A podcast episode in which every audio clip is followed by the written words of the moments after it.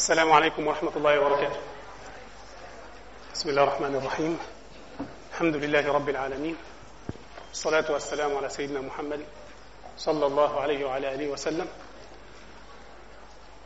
ثم ما بعد. إن الله وملائكته يصلون على النبي. يا أيها الذين آمنوا صلوا عليه وسلموا تسليما. دي الإهداء بتاع فريق الهمة. جزاهم الله خيرا ورزقهم الهمة. ونصيبنا النهاردة في ال الله في ال الورقة دي بيسموها إيه؟ بره اسمها إيه؟ رسالة ربانية. أيوة ربنا يجزيكم خير. إلا رحمة من ربك إن فضله كان عليك كبيرا. صلى الله على محمد. صلى الله عليه وسلم. الكلام ده موجه لمين؟ إلا رحمة من ربك. للرسول الله صلى الله عليه وسلم. أنتوا مالكم؟ نايمين صح؟ طيب. نعمل قيام وجلوس زي المدارس ولا إيه؟ زي حضراتكم. مين اللي فهم أي حاجة من اللي قبل كده؟ الكلام الثلاث لقاءات اللي فاتت. يرفع إيده. عشان اعمل زي الشيخ أنس كده لما يقول أنا عايز أعرف اللي هم بين بين دول. طب مين اللي ما فهمش حاجة من اللي فات؟ مفيش حد ما بيفهمش أي حاجة من أي حاجة طبعا. طب مين اللي مش مبسوط؟ في حتت مظلمه يمين وشمال. آه في حد. آه. طب مين اللي مبسوط؟ مش للدرجة دي. مش للدرجة. طيب جزاكم الله خيرا. وبرضه في حد بين بين كده بس هو يعني إيه؟ هو حر. طيب النهارده إحنا هنتكلم عن يوم الفرقان. إحنا محتاجين يوم الفرقان ده قوي وقضية الفرقان دي قضية عقلية ونفسية وواقعية وخطيرة. عقلية ونفسية تفهمها من قول الله عز وجل يا أيها الذين آمنوا إن تتقوا الله يجعل لكم فرقانا. ويكفر عنكم سيئاتكم ويغفر لكم. إيه الفرقان ده؟ الفرقان يعني هداية في العقل يفرق بها الإنسان بين الحق والباطل. ولو اشتد الفرقان الإنسان كمان يقدر يفرق بين الحق والأحق. يعني بتبقى أحيانا الأشياء مش مصلحة ومفسدة واضحتين فقط. الواحد يميز بينهم. أحيانا مصلحة أقل ومصلحة أكثر أو مفسدة أقل ومفسدة أكثر. علشان الواحد يقدر يفرق بين هذه الأشياء ويميز بينها بيحتاج إلى فرقان في عقله ونفسه. وده ربنا سبحانه وتعالى ربطه بالإيمان والتقوى. يعني برضو مرة تانية مش منقطع عن الله. الفارق يا جماعة بين اللي بنقوله في مواقع زي شيخ العمود وغيرها وبين ما نقوله في الأماكن بين قوسين العلمانية. إن بنفترض إن الفاعلية الإنسانية يمكن أن تؤتي ثمارها دائما بغير صلة بالله. لكن هنا لا إحنا بنفترض إن الفاعلية الإنسانية موجودة وأن الأسباب تؤدي إلى النتائج وإن الفعل ليه نتيجة وليه ثمرة ولكن الفعل موفق فيه بإذن الله مبارك فيه من عند الله والثمرة كذلك موصول إليها وتستمر وتستديم وتنمو وتثمر وتنتج إذا كانت مع الله. وده اعتقاد بسيط لكنه أقوى اعتقاد عندنا أن الأمر كله لمن؟ لله. إحنا ال... النهاردة هنتكلم على الفرقان حين يكون واقعا. النبي صلى الله عليه وسلم بمجرد وجوده في مكة ومجيئه بالدعوة صار فرقانا. في حديث موجود عند أبي نعيم في الحلية بيقول فيه في بيروي عن المقداد بن الأسود أو المقداد بن عمرو هو شخص واحد. بيقول فيه والله لقد جاء رسول الله صلى الله عليه وسلم على أشد حال جاء عليها نبي. ما يرون دينا أفضل من عبادة الأوثان. ناس كده دماغها خلاص كده هي اتركبت. مفيش أعظم مننا في الكون.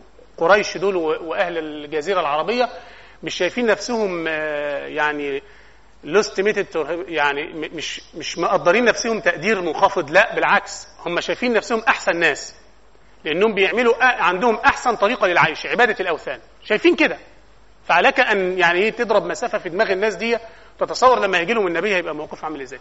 يقول فجاء بفرقان فرق به بين الحق والباطل وبين الوالد وولده إلى آخر الكلام.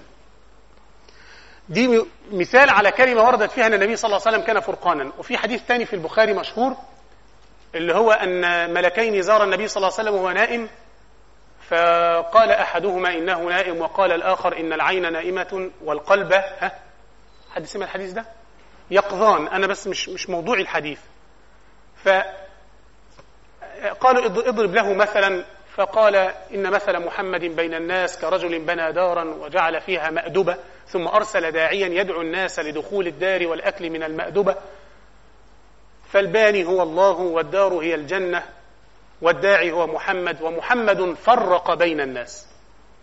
وفي قراءة للحديث محمد فرق بين الناس. فاللي آمن بيه بقى ليه عالمه واللي ما آمنش بيه بقى ليه عالم تاني. صلى الله عليه وسلم. لكن المعركة احتدمت واقعيا بينه وبين الذين لا يؤمنون به ويكذبونه ويصمونه يعني يتهمونه بأنه دعي. اللغة دي صعبة؟ أتكلم عامية شوية؟ اللي عايزني أتكلم أخف من كده يقول لو سمح حاضر. في اتهامات بقت للنبي عليه الصلاة والسلام مش قليلة خلي بالكم الاتهامات دي في ناس تقول لك أنا إيماني قوي اتهامات إيه؟ ده كلام فارغ. في جنبيك واحد عقله ضبابي شوية في شوش. فالكلام ده بيؤثر ودي الكلمة اللي موجودة في القرآن وفي السنة بمعنى الفتنة. الفتنة هي الكلمات أو الأحداث أو الأعمال اللي ممكن يعملها حد تحرف إنسان عن طريق الله عز وجل. هذا الحرف عن طريق الله يعني الانحراف اللي بيحصل عن طريق الله عز وجل ده اللي بنسميه الفتنة. واللي الانحراف عن طريق الله عز وجل ده أشد من القتل. يعني لأن أقتل خير من أن أحرف عن طريق الله. ان أنا معروف يعني أحرف يعني آه أزاح كده. وأضل عن طريق ربنا إنه بدل ما يبقى وجهتي يبقى وجهتي حاجات كتير. وبدل ما يبقى عندي هذا الإيمان به سبحانه وتعالى وبأن الكون هو مصدره سبحانه وتعالى وما إلى ذلك يصبح عندي إيمان كده إيه متداخل ومشنكل كده وفيه شوية لخبطة كده. ده اسمه الفتنة. إن الذين فتنوا المؤمنين والمؤمنات وده اللي حصل في مكة فتنوا حاولوا أنهم يحرفوهم عن هذا الإيمان بأن هذا الرجل هو رسول الله الصادق وأن هذا الكتاب هو كتاب الله الحق وأن هذا الدين هو الدين الأسلم وأن هذا الطريق هو الطريق الأقوم الكلام ده كله لازم الواحد يبقى مؤمن بيه أبيض جدا زي النهار. هم لا يضلموه يضللوه يعني يغبشوا عليه كده يخلي الكلام مش واضح كل ده من عوامل الفتنة. فحصلت في مكة وده اللي في النهاية كان القرار الخروج من هذا المكان الفاتن المكان الذي يخرج الإنسان عن طريق الله. لأن الناس دي تصد عن سبيل الله. الكلمات القرآنية اللي إحنا ما بنقفش قدامها قوي. يصدون عن سبيل الله ويبغونها عوجا. ده واحد كاريره في الحياة كده. هو ظبط نفسه على المعنى ده. كل واحد فينا ليه علاقة مع الله. على الستة والسبعة مليار اللي موجودين على وجه الأرض كل واحد فيه ليه علاقة ما مع الله. في المعرض تماما. قال يا قوم أرهط أعز عليكم من الله واتخذتموه وراءكم ظهرية. اللي هو أدبر وتولى مستكبرا على أمر الله عز وجل ولا يأبه له. وفي اللي واخد الأمر هزوا ولعبا ولهوا. وفي اللي عنده عقيدة إن الكلام ده أصلا مش موجود إن هي إلا حياتنا الدنيا نموت ونحيا. وفي اللي بيدعي على الله الدعاوى بإنه خلقنا في أوضاع وأحوال وظلم الشيطان نفسه وحاجات كده. كتير. في الذي يؤمن بالله ثم يحرف في صفات الله. وفي بقى إيه؟ نسأل الله عز وجل يجعلنا أهل الحق أو من أهل الحق الذين يؤمنون بالله كما أراد الله عز وجل بكتاب منير ونبي هادي. النبي صلى الله عليه وسلم هو ده. وجاي في بيئة زي ما بقول لكم هي القاع. فلا بد إن كان يحصل حالة من حالات الفتنة والتداخل الشديد. وأشدها الفتنة الواقعية أن يفرض أوضاع على المسلمين تقول لهم أن ربكم مش قدير. فين بقى؟ وحصل كده أن الراجل يمسك العظمة كده للنبي صلى الله عليه وسلم عظم ميت. له يا محمد ده كان أمية بن خلف. أتزعم أن الله يحيي هذا بعد يعني بعد أن صار رميما وضرب لنا مثلا ونسي خلقه؟ قال من يحيي العظام وهي رميم. وكانت الإجابة على فكرة أقل من أن تقال. يعني هي من البديهية ببساطة جدا. قل يحيي الذي أنشأها أول مرة. بديهية على فكرة. ومع ذلك دي حال الكبر لحد ما بقت الناس منهم من قتل منهم من عذب عذابا شديدا. الصحابة منهم اللي وضع على فحم النار فما أطفأ فحم النار إلا ودك الظهر. حدش فاهم. ده الخباب بن الأرت كان حداد فكان اللي هو شغال عندهم بيعذبوه فيحطوه على الفحم اللي هو بيشتغل بيه. فما أطفأ الفحم إلا يعني الدهون اللي في ظهره لما ساحت. صارت سيلا فأطفئته ومع ذلك النبي صلى الله, صلى الله عليه وسلم زعق فيه. لما جه بس بيطلب من النبي صلى الله عليه وسلم النصرة عشان الناس اللي اليومين دول اليأس واكلها قوي. يبقى ده معناه إن قضية الإيمان في أصلا في القلب فيها إشكالية ما اترسختش كويس. هو ليه حديث في البخاري بيقول أتينا رسول الله صلى الله عليه وسلم وهو متوسد أشرحه. آه، بردة له في حجر الكعبة. النبي عليه الصلاة والسلام عامل وسادة يعني الوسادة. آه، مخدة كده بس بالبردة بتاعته اللي هي اللي زي العباية كده. وقاعد عليها أو واخد جنب بيها. وده راح له حجر الكعبة ومعاه كم من الصحابة اللي بيعذبوا. عامر بن فهيرة نائلة اللي كان بيعذبها عمر بن الخطاب كانوا أعداد.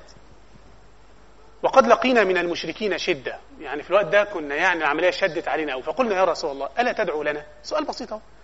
ألا تستنصر لنا؟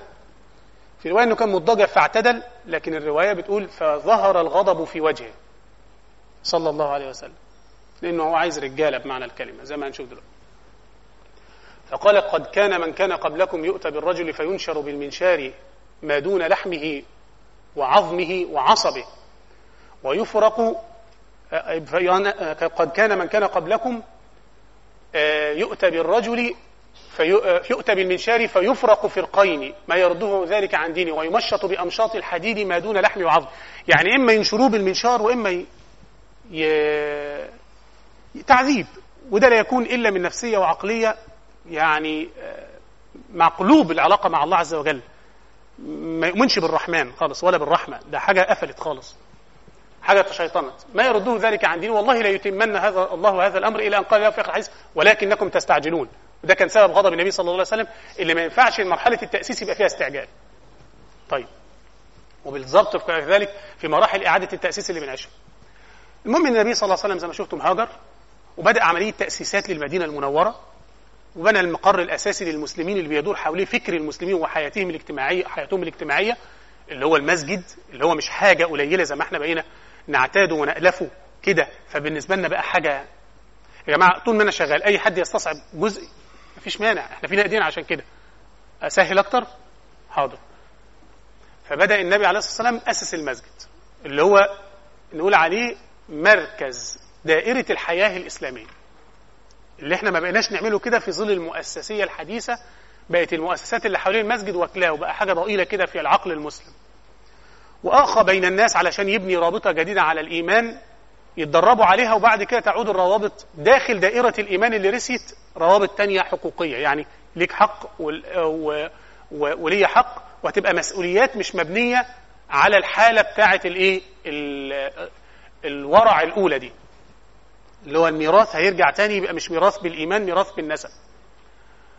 وعنده حواليه ناس ربط معاهم معاهدات زي ما شفنا المرة اللي فاتت المؤمنين نفسهم وضع لهم ميثاق بأنهم أمة من دون الناس. وعرفهم المساواة بينهم تتكافأ دماؤهم وأقل واحد فيهم يتكلم باسمنا هو المتحدث الرسمي بتاعنا.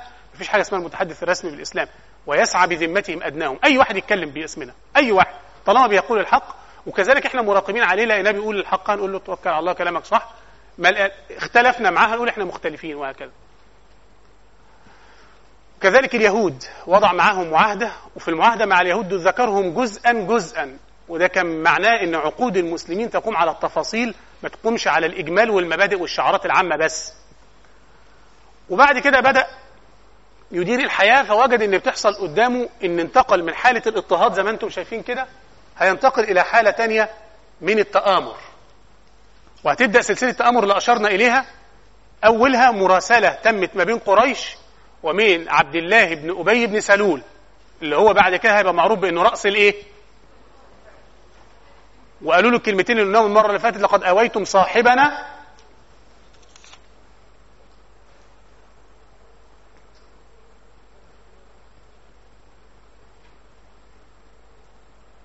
حاضر. فإما تقاتلوه وإما تخرجوه. كده أنتوا أويتم محمد عندكم؟ ده بالنسبة لنا خطر. يا عم ما سابكم خلاص اهو.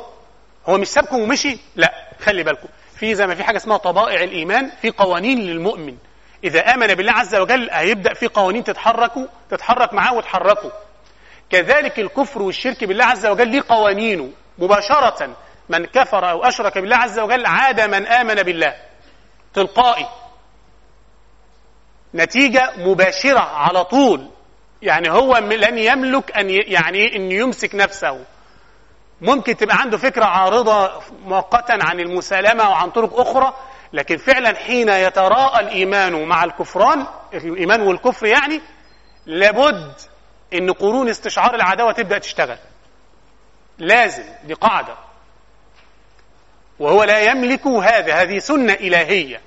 إن يثقفوكم يعني لو يقدروا عليكم يكونوا لكم أعداء. ويبسطوا إليكم أيديهم وألسنتهم بالسوء. طب ده هيقفل معانا؟ لا مش معناه ضروري إن إحنا هنبقى في حالة باستمرار في حالة حرب لكن ننتبه إلى ذلك. فاما نحوله إلى ما يشبه الولي الحميم وإما إن إحنا نكون بندافع كويس عن نفسنا. طيب. فالمؤامرة الأولى دي حركت شوية عبد الله بن أبي بن سلول لما قالوا له تقاتلوه أو تخرجوه أو إحنا هنيجي نقاتلكم. وشفنا النبي صلى الله عليه وسلم عالجها بالذكاء. وسامحوني في كلمة الذكاء مع النبي صلى الله عليه وسلم. ليه؟ لأن المفترض إن يعني ده وصف بشري محض. والنبي صلى الله عليه وسلم بشر يوحى إيه؟ إليه. لكن إحنا شوية هنميل شوية إلى البشرية علشان إحنا بشر محض. فاحنا عايزين نجلي ونوضح قوي الصفة دي في النبي صلى الله عليه وسلم بيتصرف و وكأنه ليس معه وحي بيفترض وكأنه. ما إحنا مؤمنين إن هو معه إنه لا ينطق إلا بوحي ولا يتحرك إلا بوحي. بس هنحاول نركز قوي على فعل النبي صلى الله عليه وسلم وكأن واحدا منا هو الذي يفعل هذا الفعل. وكأن واحدا منا بلاش كأن واحدا من اللغة العربية مركزة معايا قوي. الحمد لله إن يعني بعرف أتكلم شوية لغة عربية. آه لأن دي يعني نعمة. بحاول أتخلى منها شوية عشان نتفاهم لكن أتمنى لكل واحد انه يبقى بيعرف يتكلم لغة عربية قدر الوسع طبعا هتلاقوا بعض الأخطاء عندي بس الأصل إن الواحد يتكلم لغة عربية أو يبقى قادر إنه يتكلم كده. زي ما يبقى عنده لغة تانية إنجليزي أو ألماني أو فرنساوي بس بيعرف. والعامية ما كلنا لا بلا بلا بلا, عاملين طول النهار نتكلم عامية يعني. زي بيوتنا كده أبي أمي وبعد كده لا بلا بلا بلا. عارفين أبتاه وأماه وبعد كده مفيش لغه عربية خالص في البيوت. عارفين ده ولا لأ؟ آه. معلمين العيال كده إيه كام كوبليه في الأول كده حافظينهم وبعدين والمدارس الأجنبية عاملة شغل ربنا يعني إيه آه نسأله العفو والعافية. طيب النبي صلى الله عليه وسلم عالج الحكاية دي زي ما شفنا بحكمة. حد فاكر النبي صلى الله عليه وسلم لما عبد الله بن عبد الله بن أبي خد الكلمتين دول وبدأ يجهز لقتال النبي ولسه النبي ما بقالوش شهر أو شهرين في المدينة؟ النبي عالج الحكاية دي بإيه؟ صلى الله عليه وسلم. اللي عارف يرفع إيده. عايز أسمع حد. لا أنا عايز أسمع حد من الإخوة بقى. النبي عليه الصلاة والسلام وصلوا الخبر بإن عبد الله بن أبي بن سلول نتيجة المؤامرة اللي بتعملها قريش وإرسالها الرسالة اللي بتقول فيه لقد أويتم صاحبنا فإما أن تقاتلوه وإما أن تخرجوه وإما أن نقاتلكم نحن. فالنبي بلغوا الأمر. يسيب الأمور لحد ما تتفاقم؟ ولا عمل إيه؟ أسرع النبي صلى الله عليه وسلم برد فعل. عمل إيه؟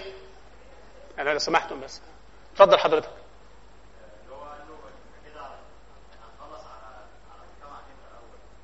أيوه. أيوه. هم قالوا له إن إحنا إما أن تقاتلوا محمدا ومن معه. معايا كده؟ أو إحنا نيجي نقاتلكم. فهو علشان ما يجوش هم يقاتلوه هيقاتل محمد ومن معه فيحقق غرضهم اللي هو إن الناس تأكل في بعضها فالنبي صلى الله عليه وسلم وضح له هذا الأمر. قال والله ما كادتكم قريش يعني قريش ما عملتش معاكم مكيدة أكتر من المكيدة اللي أنتوا هتعملوها في إيه؟ في أنفسكم هتقاتلوا أنفسكم وتخلصوا على بعضكم فالامر ده الناس اللي كانت مع عبد الله بن أبي بن سلول استمعوا لكلام معقول وإنهم بيبادروا بحرب لا لزوم لها أو لا داعي لها دلوقتي فتراجعوا. دي كانت المكيدة الإيه؟ الأولى التآمرات. المؤامرة الثانية أو التنغيص رقم اثنين إن وصلت رسالة غير مباشرة للرسول صلى الله عليه وسلم بإنك اوعى تفتكر إن الأمور بيننا بيس. حلوة بيس أهي. لدرجة إن أنت تفكر مثلا تيجي تعمل زيارة لأهلك ولا لبيت الله الحرام. ودي قصة شرحناها لما سعد بن معاذ كان رايح لمكة وفكر إنه يطوف بالبيت فشافوا مين؟ ها؟ أبو جهل. فاوقفوا اللي هو عمرو بن هشام أبو جهل بن إيه أو كانوا بيسموه أبو الحكم. بس بقى نتيجة جهالتي على النبي صلى الله عليه وسلم أصبح ده اسمه المطبوع. أبو جهل آه ابن هشام وراح مستوقف سعد بن معاذ وسعد بن معاذ زي ما قلنا ده شخصية مهم راجل راجل قوي يعني الرجولة بتاعته طاغية رمز للرجولة. الرجوله وصف للرجال والستات يعني. عارفين كده ولا لأ؟ أنا يقول لك دي ست عاملة زي الراجل. فاحيانا بياخدوها على انها سبة. لأ. لكن هي الأصل فيها إن كلمة الرجولة دي تشمل الاثنين. فقال له ما معنى أويتم صاحبنا وأويتم الصباه اللي سبقوا معه تركوا ديننا؟ في لولا إن معاك أمية بن خلف اللي هو كان صاحبه ويقال إن أخوه في الرضاعة لفعلت بك وكذا وكذا. فهو رد عليه رد مهم. خلي بالكم يا جماعة لازم تتعلم كده الردود بالشجاعة. بيقول له والله لئن منعتني هذه لأمنعنك ما هو أشد إيه؟ منها. أنت تمنعني من أنا أطوف حول الكعبة اللي هي للعرب جميعا على الأقل؟ طيب أنا همنعك من التعدي في الطريق. يبقى ده بيدخلنا في اليوم اللي إحنا داخلين عليه يوم الفرقان. وهكذا استمرت فكرة العداوات ومحاولات تأليب حتى العرب حول النبي صلى الله عليه وسلم. ولكن النبي صلى الله عليه وسلم كان بيتحرك ما كانش سايب الدنيا كده لحد ما تستوي الأمور لقريش وتنضج الأمور معاها وبعد كده نبدأ نتحرك بعد خراب ملطة لا من البداية بدأ النبي صلى الله عليه وسلم يخرج سرايا وغزوات زي ما أشرنا إلى أربع سرايا وأربع غزوات المرة الماضية بدون ما نقف على تفصيلها. مش كل حاجة نقف على تفاصيلها. بس كان أهم حاجة في السرايا والغزوات عدة أمور. أهدافها إيه؟ الأول إن المسلمين يستعدوا للمواجهات. إن الدنيا مش هتبقى كده يعني سهلة. الحياة مش كده. جزاك الله خيرا وسلامك الله. رقم اثنين إن يبقى دايما في حالة استطلاع واستكشاف وإن الصحابة اللي كانوا بيمشوا في الطرق دي على إنها تجارة لا يمشوا فيها بعين أخرى وهي عين ما قد تكون ميادين للمواجهة. وإن يبدأ ينغص على قريش بحاجة اسمها العمليات الاعتراضية. وبعض المناوشات زي اللي حصلت في سرية هنقول عليها دلوقتي. والمناوشات دي كانت بتزود هيبة المسلمين وبتقطع شوية أو تمزق شوية في هيبة قريش. والهيبة دي مهمة جدا في العلاقة الصراعيه كتير جدا من الناس بتخرج من الصيا... من الصراع نتيجة شدة هيبة الآخر في قلبها. يعني اللي هو فكرة إيه؟ الردع. إنك تخاف من قبل ما تدخل المواجهة. ودي المفترض إن الإيمان الحقيقي لما بيرسخ في القلوب بيخلي احتمالات الردع ارتداع المؤمن عن مسيرته وعن مضيه في حياته ضعيف جدا. يتهز شوية كده لكن لازم يكمل. ما بيخافش يعني من التخويف. الذين قال لهم الناس إن الناس فاخشوهم خافوا بقى. فزادهم إيمانا. وقالوا حسبنا الله ونعم الوكيل. فإيه؟ فانقلبوا بنعمة من الله لا وفضل لم يمسسهم سوء. واتبعوا رضوان ربنا. بعدها بيقول إنما ذلكم الشيطان يخوف أولياءه. في ناس مش فاهمة الآية دي. الآية دي معناها الشيطان بيخليك تخاف من اوليائه يخوف هنا اوليائه مش بيخوفهم هم بيجعلهم هم يخافون مش يخافون. يا رب يكون مفهومة. آه جدع. يخوف أولياءه يعني يجعل أولياءه محل خوف. هي لغة عربية عالية قوي مش مش مش سهلة. إنما ذلكم الشيطان يخوف أولياءه يعني يجعل أتباعه آه محل خوف من الآخرين. يتخاف منهم. حد يعبر عنها كده بعاميه سهلة. ها؟ يديهم هم مهابة. فيبدأ الناس تخاف منهم. هم أصلا ممكن يكونوا ورق حاجة فاضية. بس إحنا يعني من كم البروباجندا اللي معمولة والدعاية الرهيبة والاساطيل والمساطيل والدنيا دي كلها نبقى إحنا يعني في حالة رعب. وبعد كده لما نيجي نلمسهم نلاقيهم انقشعوا زي الفقاعات. طيب. كل ده ومن ضمنها حاجات سياسية مهمة. إن هو في طريقه أو غز... السرايا والغزوات يبقى هيقابلوا قبائل. فتبدأ القبائل دي تعمل لينك معاهم. يعمل معاهدة. المعاهدة ممكن تبقى عالية قوي اسمها معاهدة تحالف. ممكن تبقى حد أدنى شوية تبقى المعاهدة عدم اعتداء متبادل. حد واخد باله الفرق دي إيجابية. لو أنا دخلت في صراع مع حد هتدخل معايا. ده التحالف. الثانية لو أنا دخلت في صراع مع حد أقل حاجة إنك ما تدخلش أنت معاه. ها؟ you know you see waking ها صحيين شوية يا جماعة. طيب. معاهدة عدم الاعتداء المتبادل. يعني أنا مش حليفك ولا أنت حليفي مش هنتناصر مش هننصر بعضنا بعضا بس على الأقل لا تعتدي عليا ولا أعتدي عليك. ده تعهد منك وتعهد مني. خلاص كده؟ التعهدات دي مهمه وخاصة لو كان في قوم بيفوا بهذه الإيه؟ التعهدات. ومن هنا نعم. الصوت؟ ومن هنا في صوت حد بيتكلم يعني ولا أعمل إيه؟ فأعلن الصوت كده؟ كده كويس؟ بدأ النبي عليه الصلاة والسلام يعمل العمليات الاعتراضية اللي بيقولون عليها دي ويخرج السرايا أو يخرج هو نفسه صلى الله عليه وسلم في غزوات وكان أول غزوة في حياة النبي صلى الله عليه وسلم اسمها ودان أو الأبواء لا الاسمين دول ودان أو الأبواء. ودي كانت في صفر سنة 2 هجرية. صفر. نعم. هو في حد بيصلح حاجة فمشغل زي شنيور أو حاجة ولا إيه؟ نعم. قولي في إيه؟ لا لا لا واضح إنهم بيصلحوا حاجة الصوت ده جاي من السقف أو كده أو من الحيطه جنبينا. طيب أنتم متضايقين قوي من الصوت يعني؟ ومعظم الغزوات والسرايا الثمانيه اللي طلعوا قبل بدر ما كانش فيهم مناوشات كبيرة اللهم إلا يعني اتنين قليلين قوي وكان من ضمنهم سريه كانت في رجب. وبدر هتبقى في رمضان. إحنا قربنا قوي اهو.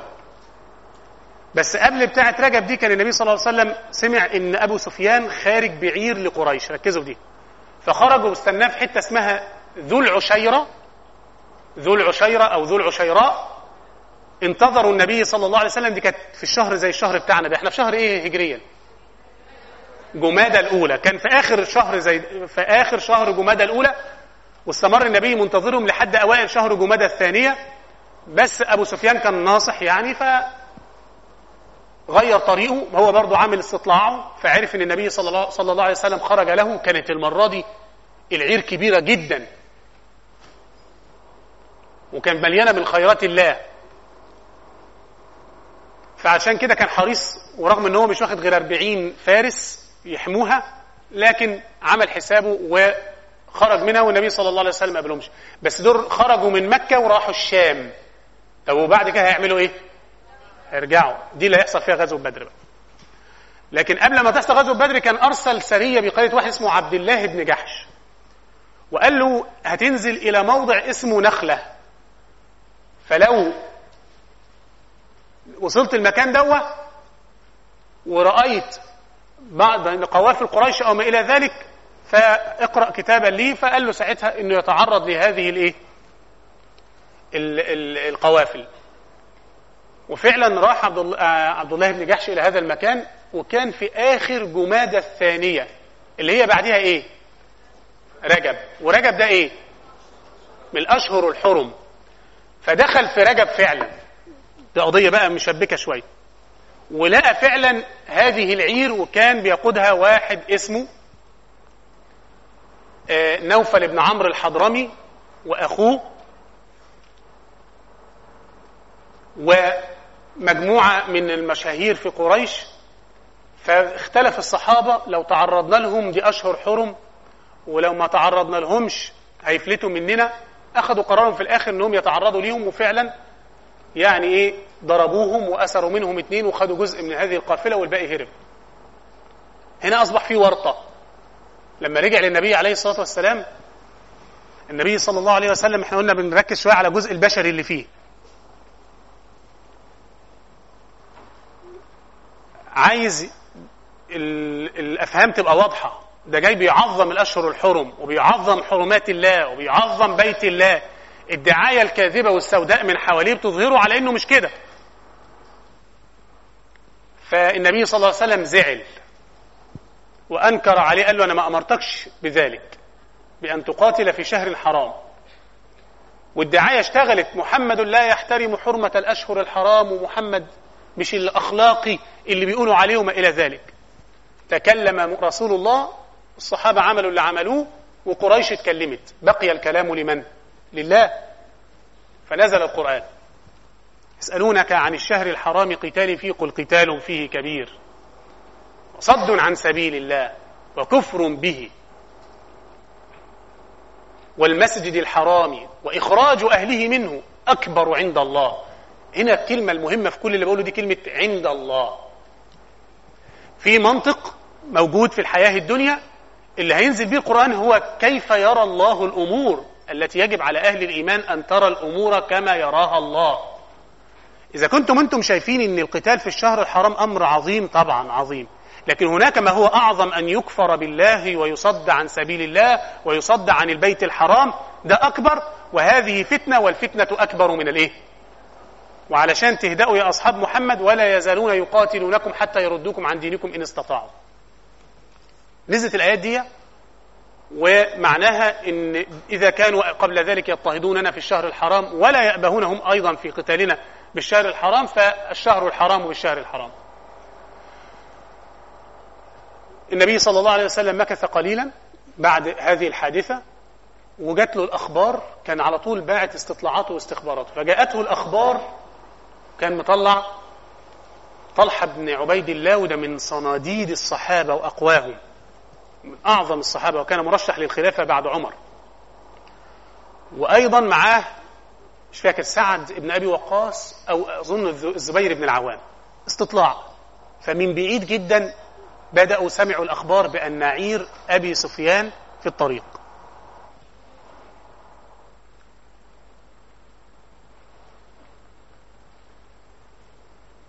فرجروا يسرع على المدينة وبدأوا يبلغوا النبي صلى الله عليه وسلم أنا ما بشغلش معلش بتاع ده أنتوا عايزين بتاع ده صح؟ مهم طلب عير أبو سفيان إحنا وقفنا عند دي النبي عليه الصلاة والسلام بلغوا الخبر إيه؟ إن العير يعني إيه عير يا جماعة؟ العير يعني القافلة القافلة يعني التجارة القائمة على إبل جاية من الشام هتروح لمكة. في الطريق المدينة. هو مش في الخط المستقيم لكن الشام مكة المدينة. حد واخد باله كده؟ في المثلث في منتصف الايه؟ الطريق. فالنبي صلى الله عليه وسلم قال للصحابة اخرجوا لعير قريش لعل الله أن ينفلك ينفلكموها ما بعرفش أتكلم. النفل أو النفل اللي هي الغنيمة. اخرجوا لعلها تكون غنيمتكم. طب يجوز؟ آه طبعا. هم زي ما قلنا قطعوا عن المسلمين أموالهم اللي في مكة واللي راح حاول ياخد فلوسه أو أمواله. ما رضيوش واللي خارج بفلوسه منعوه زي قلنا مين؟ حد فاكر الرجل اللي أراد إنه يخرج بأمواله؟ قالوا له أيوة جئتنا صعلوكا فلا تخرج من عندنا بمالك. يعني أغنيناك يعني فما تخرجش من عندنا بمالك. ف يعني قايضهم على إيه؟ سيبوني أذهب إلى رسول الله وخذوا كل أموالي. كان مين ده؟ صهيب الإيه؟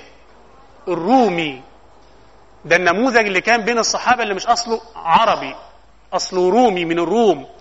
زي مين تاني مش عربي بين الصحابة؟ سلمان الفارسي زي مين تالت؟ سيدنا بلال الحبشي. وكان في كتير من الموالي أو بعض الموالي الآخرين زي مهجع أو غيره من الحبشة أو من غيرها من البلدان. طيب. خلاص هم خارجين وده اللي في ذهنهم. ساعتها النبي صلى الله عليه وسلم عشان السؤال اللي جه المرة اللي فاتت ما شددش عليهم في الخروج. يعني اللي عايز يخرج يخرج. وغالبا اللي هيخرج هيغنم.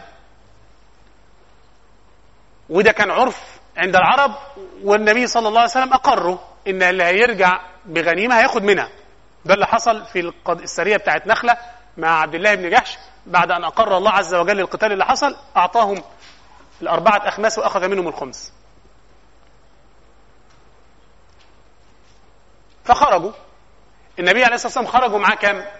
معاه 313 معايا كده بقى يا جماعة؟ 314 أو 317 على خلاف.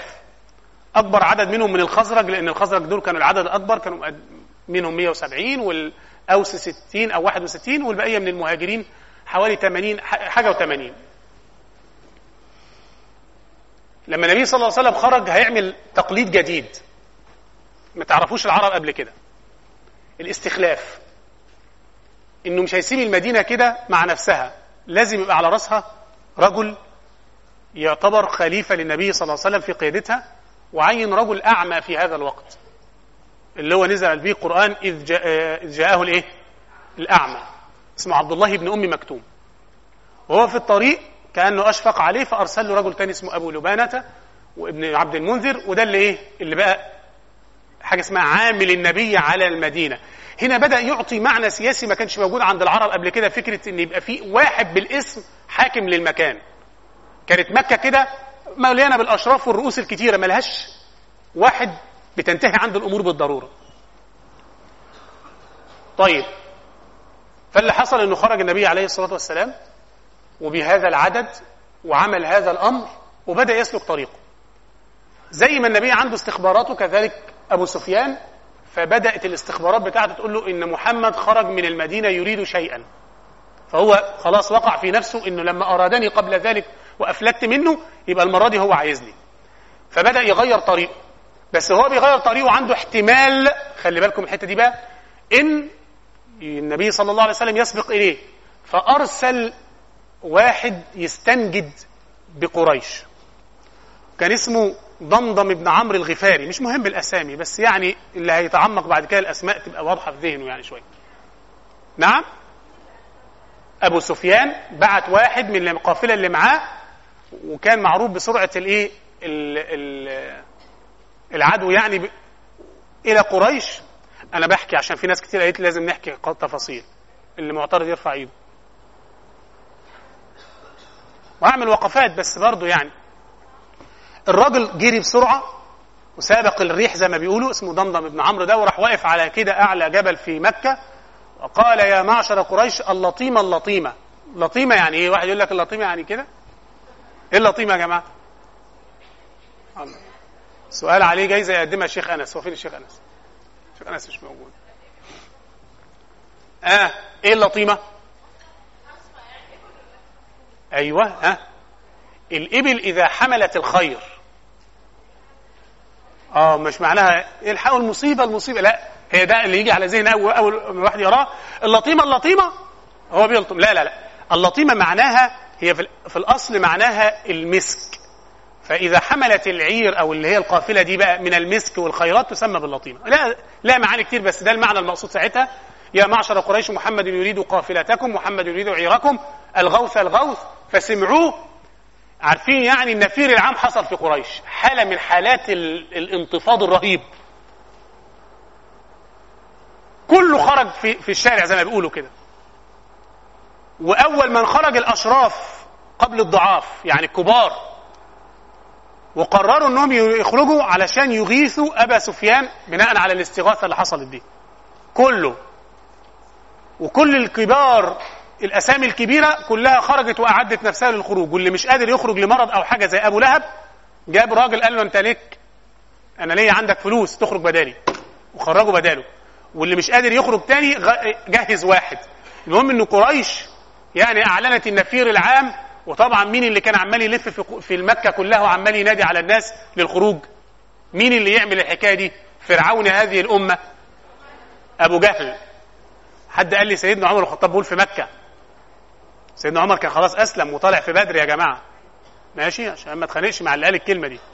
معناه إن هو نام شوية.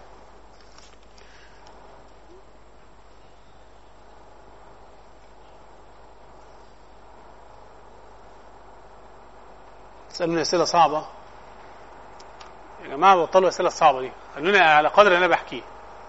النبي صلى الله عليه وسلم خرج لأخذ أموال المشركين يجوز للمسلمين في الحرب عامة أن يأخذوا أموال أعدائهم. ماليش دعوة. النبي صلى الله عليه وسلم عمل يبقى يجوز. بس طبعا كل ده ليه تفصيل.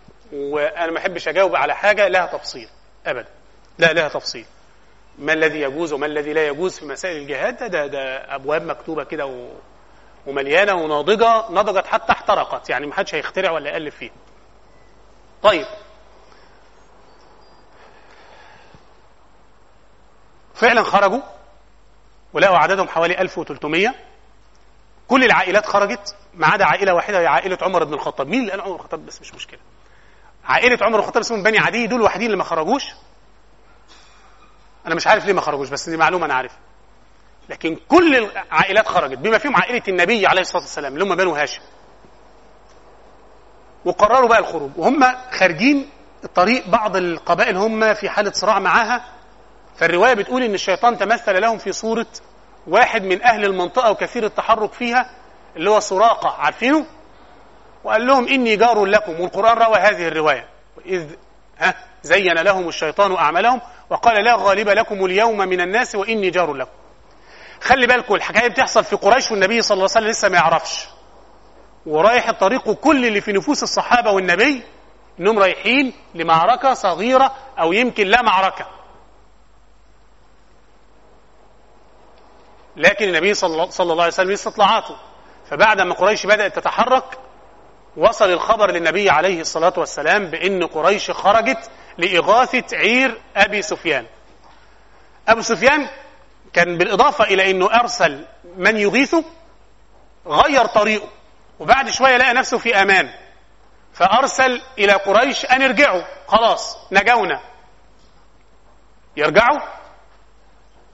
ما يرجعوش ليه؟ أدي لنا الوقفه بتاعت النهارده اللي عايز أقف عليها. واحدة من الوقفات المهمة. طيب النبي عليه الصلاة والسلام برضه خارج للعير. ليه؟ زي ما نقول معركة بسيطة. ولم زي ما قلنا ما شدش على الناس لازم تخرجوا وما قعدش العدة. ده لما نشوف دلوقتي ده معاه فارسين بس. وكان معاه 70 جمل ل 313 واحد على الأقل. يعني بنتكلم إن كل أربعة من أربعة لخمسة يركبوا على جمل واحد. الروايات بتقول اثنين وثلاثة لكن أنا لما حسبتها 313 على 70 تدي كام؟ أربعة ونص يعني من أربعة لخمس رجالة يركبوا على جمل واحد فده مش متاعة معركة خالص ده عبال لما يروحوا يكونوا اتمخمضوا طب لما عرف يرجع لا ليه؟ ده سؤال أهو قريش عرفت إن العير بتاعتها نجت مش ترجع بقى؟ والنبي عليه الصلاة والسلام خارج بالصحابة لغرض وتغير الغرض والغرض الثاني صعب جدا. وغير معد ليه أي إعداد. يرجع أنتوا سامع كلمة لأ. عايز أسمع ثلاث آراء لأ ليه؟ حضرتك أول حد رفع إيده. أيوه حضرتك. أي لأ رقم اثنين علشان فكرة الردع يعني إن هو يردعهم بس المرة مش هيبقى رد مواجهة. ها عايز أفهم أيوه.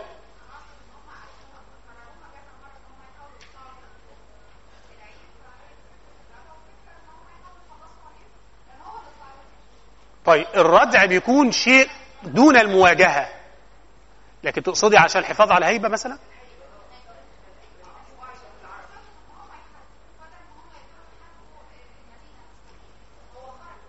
آه ده رأي. بتقول لأن لو النبي صلى الله عليه وسلم رجع ممكن يبقى معناه انهم يتقدموا إلى المدينة نفسها. فهمت أنا كده؟ طيب في حد تاني وبعد كده حد تالت. طب التاني ها؟ إسلام معايا ولا مين؟ آه اتفضل قول.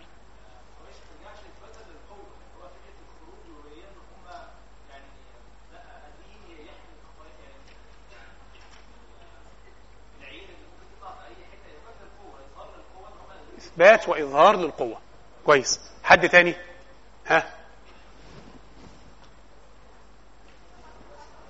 لعل صوتك.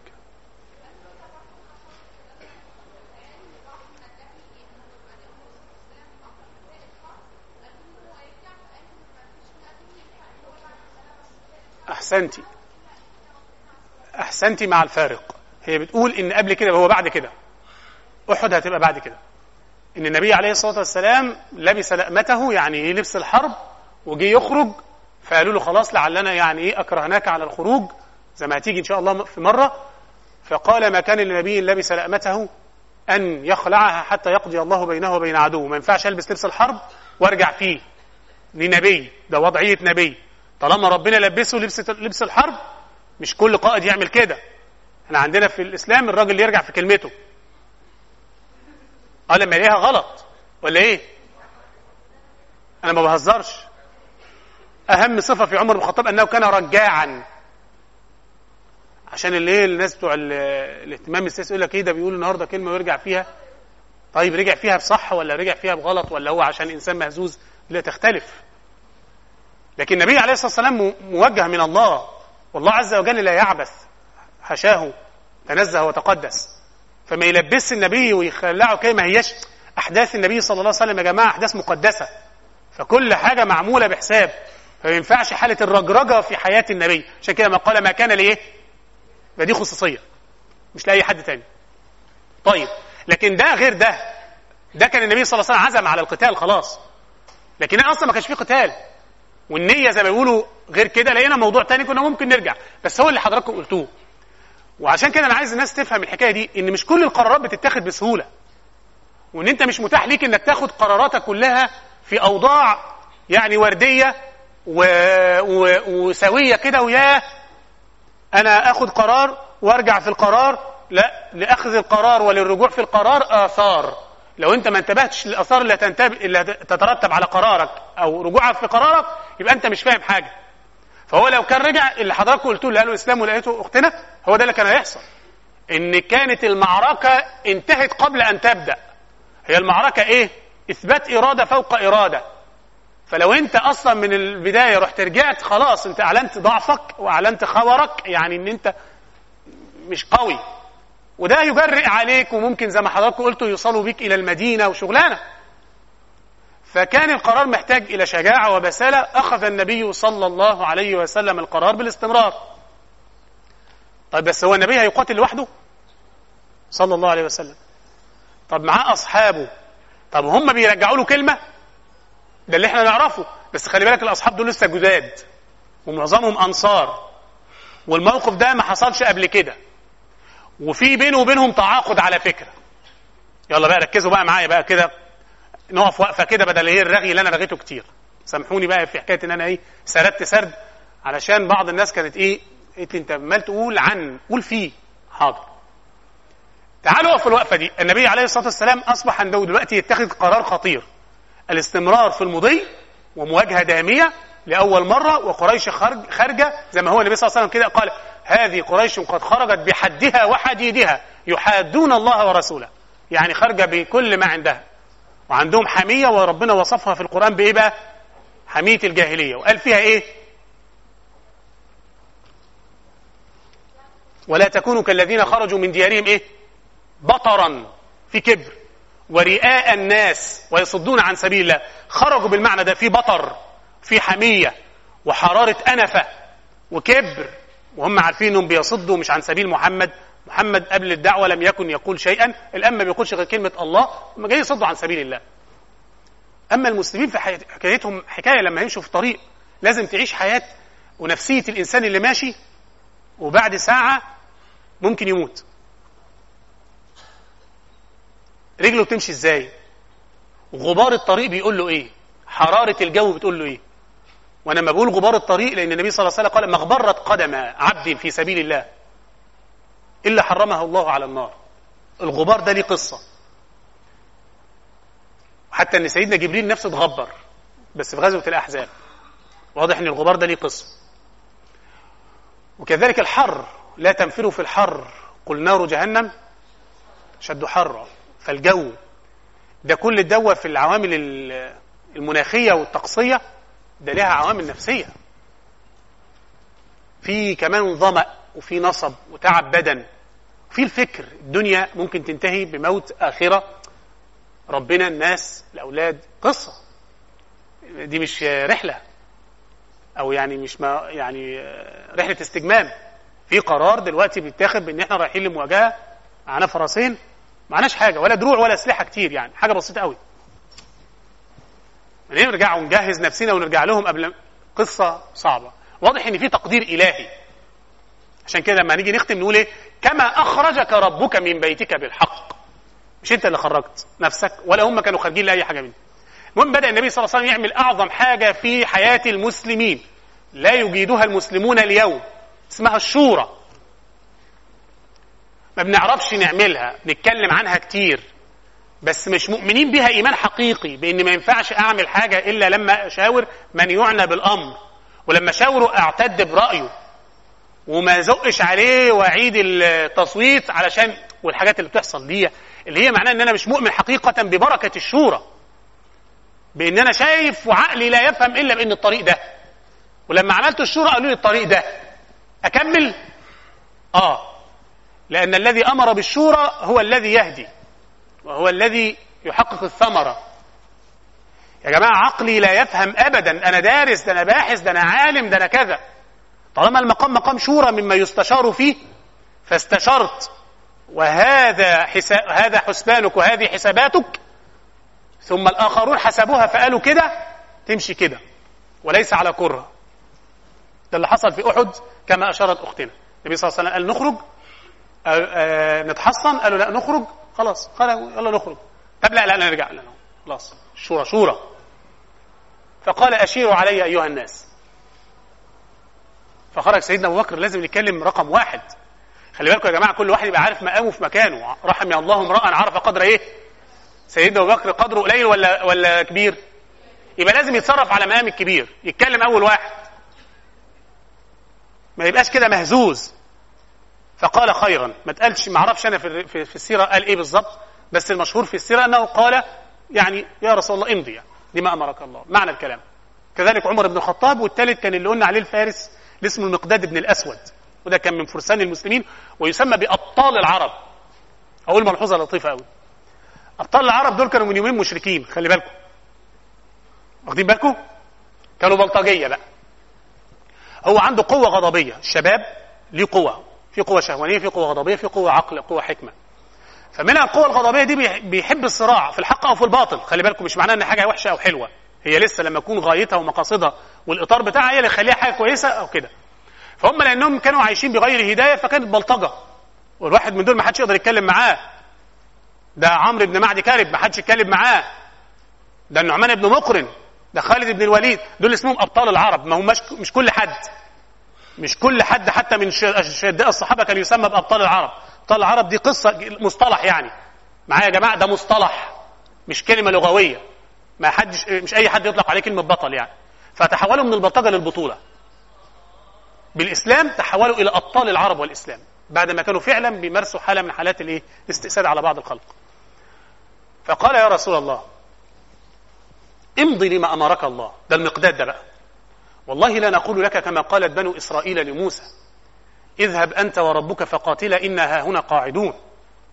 ولكن نقول لك اذهب أنت وربك فقاتلا إنا معكما مقاتلون.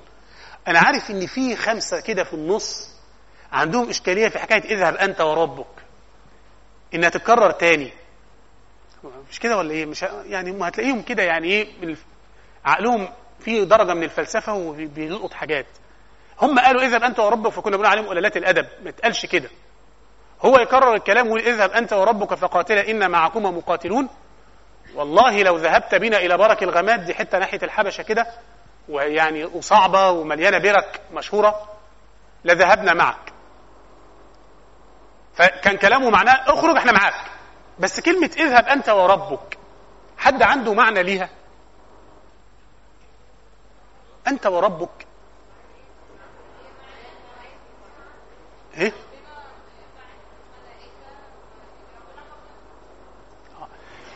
في نوع من التقديس الوهمي. أن تقدس الله عز وجل حتى تعطل في ذهنك أفعال الله ومنها فعل المعية. الله يبارك فيك. فواحد يقول يعني إيه؟ تنه ينفي الصفات والأفعال عن الله عز وجل لحد ما ربنا ما يعملش حاجة. حد فاهم المعنى ده؟ نعم. الثقة في الله مش هي اللي أنا بقول عليها أنا بقول فكرة إن واحد يقول أقول له مثلا الله يسمع. فما تعجبوش فكرة السمع. ده حصل في تاريخنا. وحصل كده الجهمية نفوا الصفات كده من باب التنزيه بس التنزيه الوهمي. حصلت مع أرسطو. قال الله يسمع وأنا أسمع لابد أن يكون غيري يبقى لا يسمع. ده لا يسمع يبقى أقل مني. فهو كذلك اذهب أنت وربك في بعض الصيغ اللي موجودة بس الكلام ده في العقيدة يعني في دروس العقيدة في الشيخ العمود تحضروا الكلام ده. إن ربنا سبحانه وتعالى نحن ننزهه كل التنزيه الحقيقي.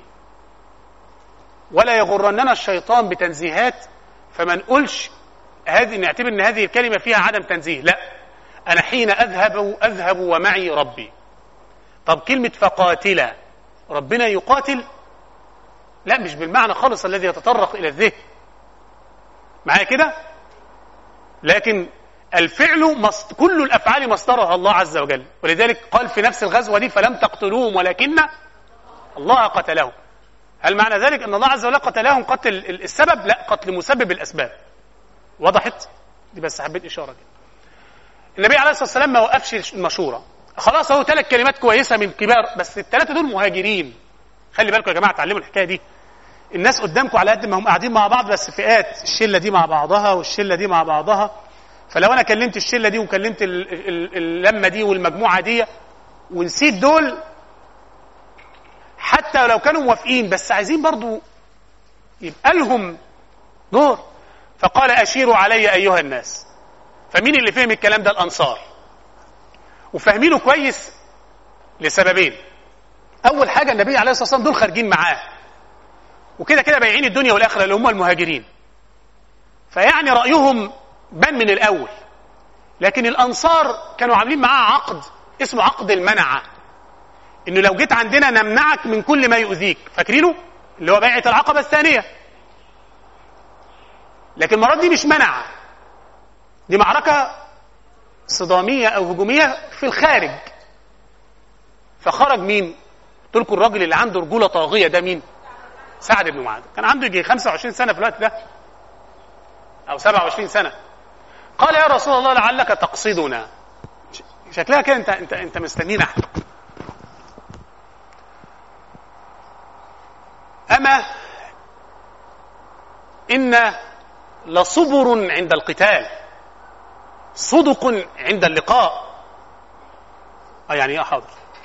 طب تسمحوا لي أقرأ الكلمة اللي قالها بالظبط؟ طيب حاضر حاضر. عشان كلمة لطيفة يعني أنا كنت هاخد جزء منها بس إيه هي قدامي على طول إن شاء الله. سيدنا سعد بن معاذ بيقول إيه؟ آه سبحان الله هي اللي معايا. سعد بن معاذ. قال لكأنك تريدون يا رسول الله. أنت يعني شكل الكلام كده جاي علينا إحنا. قال أجل. آه. من الآخر آه. أنا عايزكم أنتوا تقولوا إيه رأيكم؟ قال فقد آمنا بك. فصدقناه. خلي بالكم الكلام بقى يبقى غريب هيبقى غير بتاع العقبة. بتاع العقبة الدم الدم والهدم الهدم أنا منكم وأنتم مني. فيها تعاقدية شوية. المرة دي المسألة بقى فيها إطلاقية. أنت تعمل اللي أنت عايزه لأن أنت رسول الله. إحنا آمنا بكده خلاص صدقناك. فقد آمنا بك فصدقناك. وشهدنا أن ما جئت به هو الحق. الناس دول يا جماعة كان عندهم فلسفة عشان الناس ما تقللش من مقام الصحابة ويفتكرهم ناس بتوع سمع وطاعة وبس. فاهمين مقولة الحق؟ يعني إيه؟ الحق المبين الوجودي الكوني الذي يشمل السماوات والأرض. مش هم ضعاف العقول لا لا. وشهدنا أن ما جئت به الحق. وأعطيناك على ذلك عهودنا ومواثيقنا على السمع والطاعة. فامض يا رسول الله لما أردت. فوالذي بعثك بالحق. دقة في قراءه يا جماعة النصوص مهمة. ما كان قال له والله. لا هو المقام ده مقام تأكيد للنفس أننا على. فوالذي بعثك بالحق. لو استعرضت بنا هذا البحر لخضناه معك. لو مشيت في البحر ده بالعرض استعرضت يعني مشيت فيه بالعرض لمشينا معاك. يعني يعني خلي معنوياتك أعلى ما تكون. وما تخلف منا رجل واحد.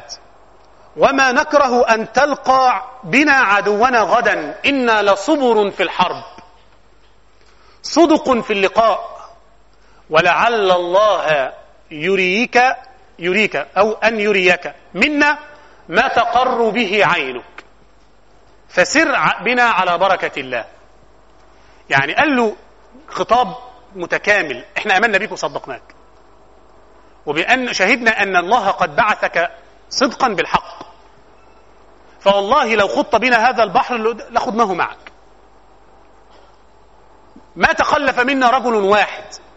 وخلي بالكم كلمة ما تخلف منا رجل واحد دي إحنا نفتقدها. نفتقدها إزاي؟ ما عندناش ثقة في بعض. أنا ممكن دلوقتي لو جه حد وكلمني أتكلم باسم نفسي وأنا قاعد معاكم وابيعكم كلكم. صح ولا لأ؟ الله أقول أتكلم عن نفسي. لا ده بيقول له ما تخلف منا رجل واحد. دي موجودة في القرآن عن النبي عليه الصلاة والسلام في حرف حرف اللام. موجود في القرآن.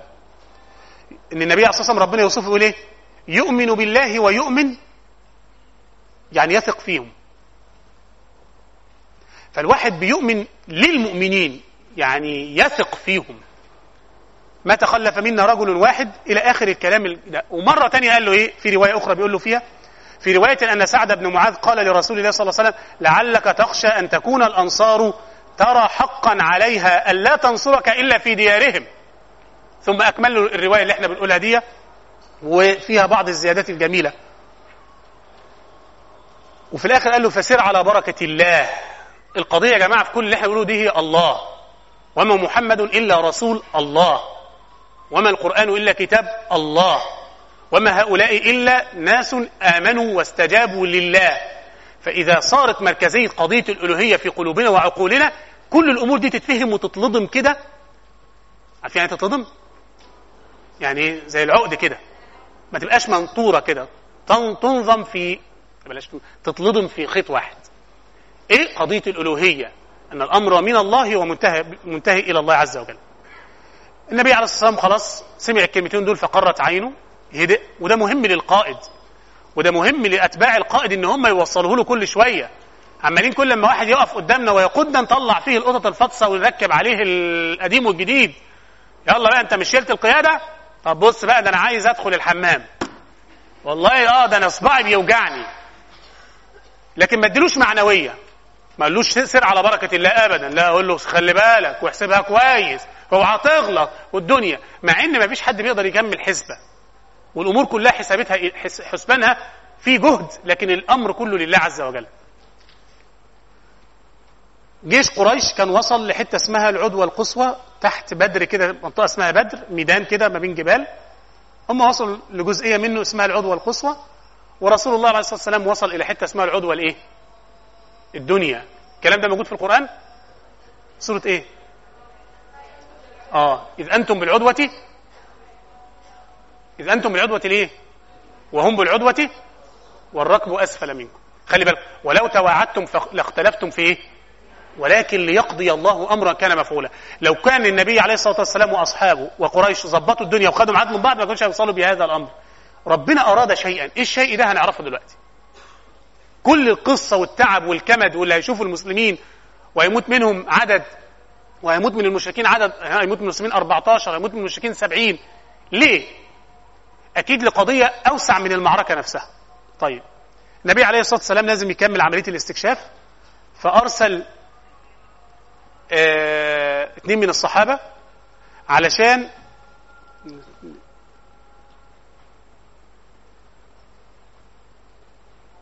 لا الأول هو خرج بنفسه عليه الصلاة والسلام. فقابل ركب كده فقال هل رأيتم عيرا أو يعني أحدا أو كده؟ فقالوا له وجدنا جمعا من قريش بيتجه من كذا لكذا فبدأ يفهم هم موجودين فين بالظبط. والراجل بيسأله بيقول له طيب وأنت هو سيدنا أبو بكر؟ آه أنت منين؟ قال أنا من ماء. من ماء دي عند العرب يعني من الشام من العراق. مش من الجزيرة أنا من حتة بعيدة. لكن هو يقصد أنا مخلوق من إيه؟ من ماء. ينفع؟ آه. إن في المعاريض اللي هي التورية لمندوحه عن الكذب ما كذبش بس في نفس الوقت ما جاوبش الإجابة الإيه؟ الم... طبعا طيب طب هو عرف هم فين؟ عايز يعرف عددهم؟ فأرسل سيدنا علي وغالبا سيدنا الزبير. فنزلوا منطقة بدر فلقوا اتنين من شابين صغيرين غلامين يعني فتيان صغيرين كده 17 و15 سنة. بيملوا مية من بير من آبار بدر فقبضوا عليهم. وبدأوا يسألوهم والاثنين متكتمين.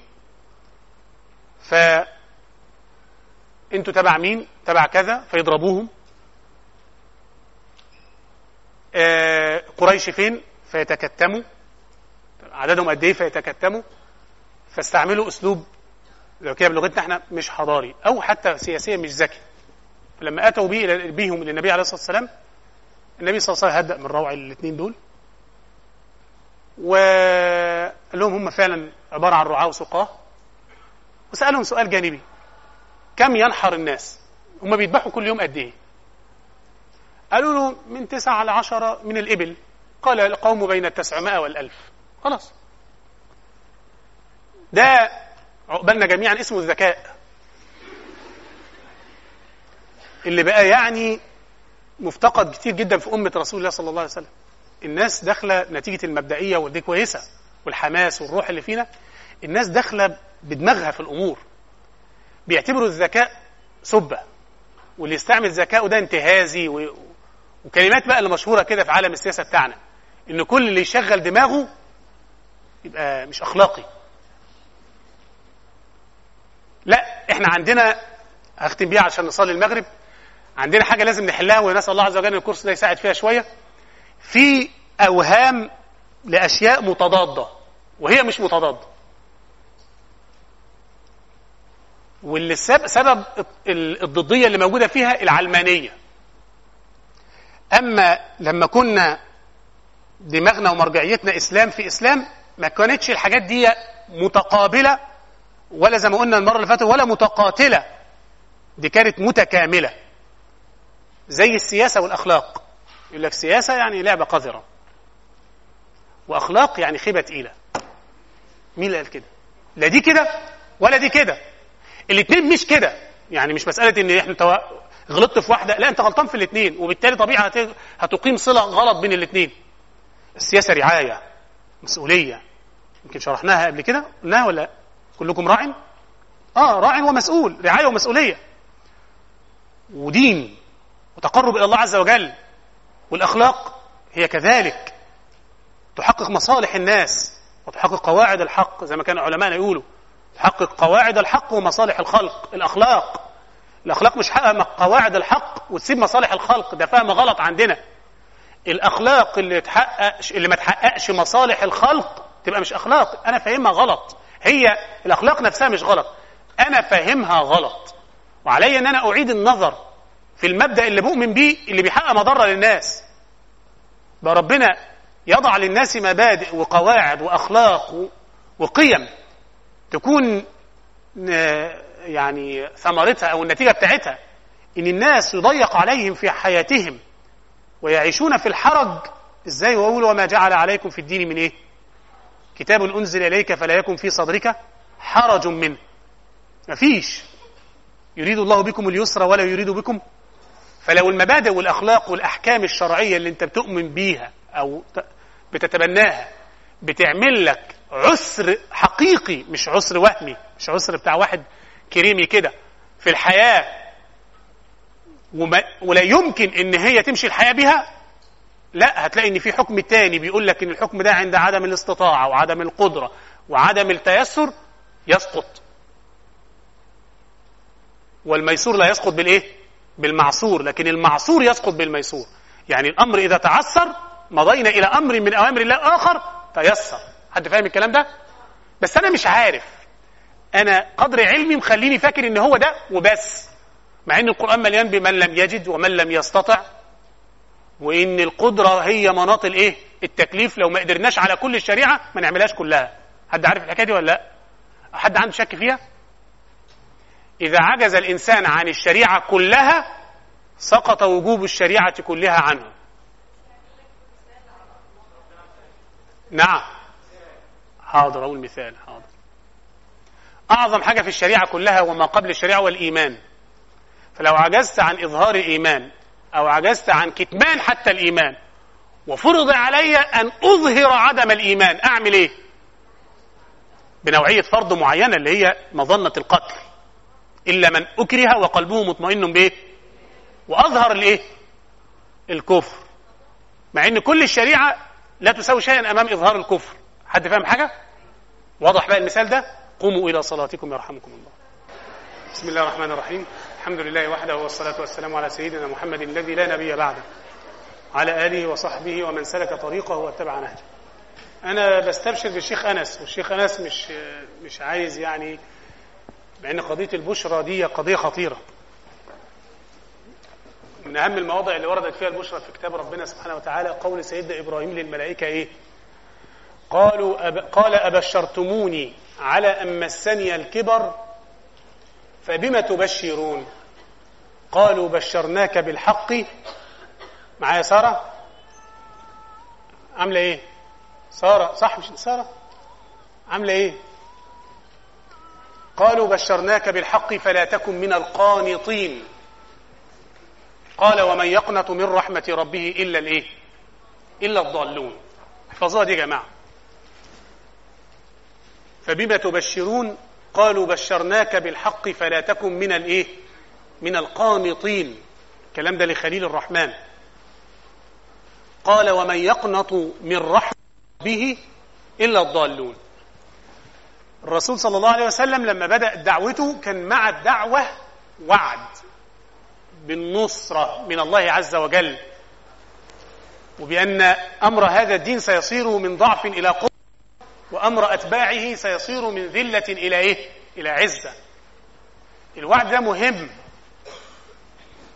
والوعد ده نزل عليهم في مكة بصيغة مهمة جدا وبعض الصيغ ما بتبقاش واضحة وضوحا نهائيا إلا بعد حين فحصل في مكة أن وهم لسه في مكة في حوالي سنة ستة أو سبعة هجري من البعثة معركة دولية كبيرة وفاز فيها الفرس على ها الروم الفرس كانوا بيعبدون الإيه؟ إيه يا جماعة أنتوا نمتوا؟ هو أنتوا كنتوا بتصلوا ولا بتاكلوا؟ ما الصلاة ما تنيمش. طيب كانوا بيعبدوا إيه الفرس؟ النار. وكانوا الروم أهل كتاب أقرب إلينا قليلا أو يعني بمعنى ما. فالمسلمين المسلمون حزنوا لأن أهل هذه النيران يهزموا نصارى أو مسيحيين. فسيدنا أبو بكر تجادل مع رجل من أهل مكة المشركين وقال له والله لا يغلبن الروم الفرس في ثلاث سنين. فالنبي صلى الله عليه وسلم قال صدقت ولكن أمهله بضع سنين. ثم نزل قول الله عز وجل ألف لام ميم غلبت. خلي بالكم بقى عشان إحنا داخلين على بدر اهو. في أدنى الأرض وهم من بعد غلبهم في بضع سنين. لله الأمر من قبل ومن بعد. ويومئذ يفرح المؤمنون بنصر الله. الظاهر من الحكاية والرواية إنهم هيفرحوا ساعتها بنصرة الله عز وجل الروم على الفرس. لكن الحقيقة أن في نفس الوقت اللي انتصر فيه فعلا الروم على الفرس كما أخبر الصادق صلى الله عليه وسلم أخبر ربنا سبحانه وتعالى انتصر أرض المسلمون على قريش في بدر. وكان تعبير الآية مش واضح تماما في أذهان المسلمين إلا لما حصل ده اللي هو إيه؟ ويومئذ يفرح المؤمنون بنصر الله. ينصر من يشاء. فمن يشاء دي فهموها ساعتها إن هم مين؟ الروم. لكن أنتم. وهو العزيز الرحيم وعد الله. خلي بالك ربنا وعد. لا يخلف الله وعده. ولكن أكثر الناس لا يعلم. وصل النبي صلى الله عليه وسلم إلى بدر. وصلت قريش. قريش فيها شوية جدل. ما نرجع يا جماعة. بعتوا من ينظر على المسلمين. فلقوا الوجود مخيفة. عمر بن الخطاب حمزة بن عبد المطلب سعد بن أبي وقاص الزبير بن العوام علي بن أبي طالب وأكثرهم شباب شباب قوي فيهم فتوة.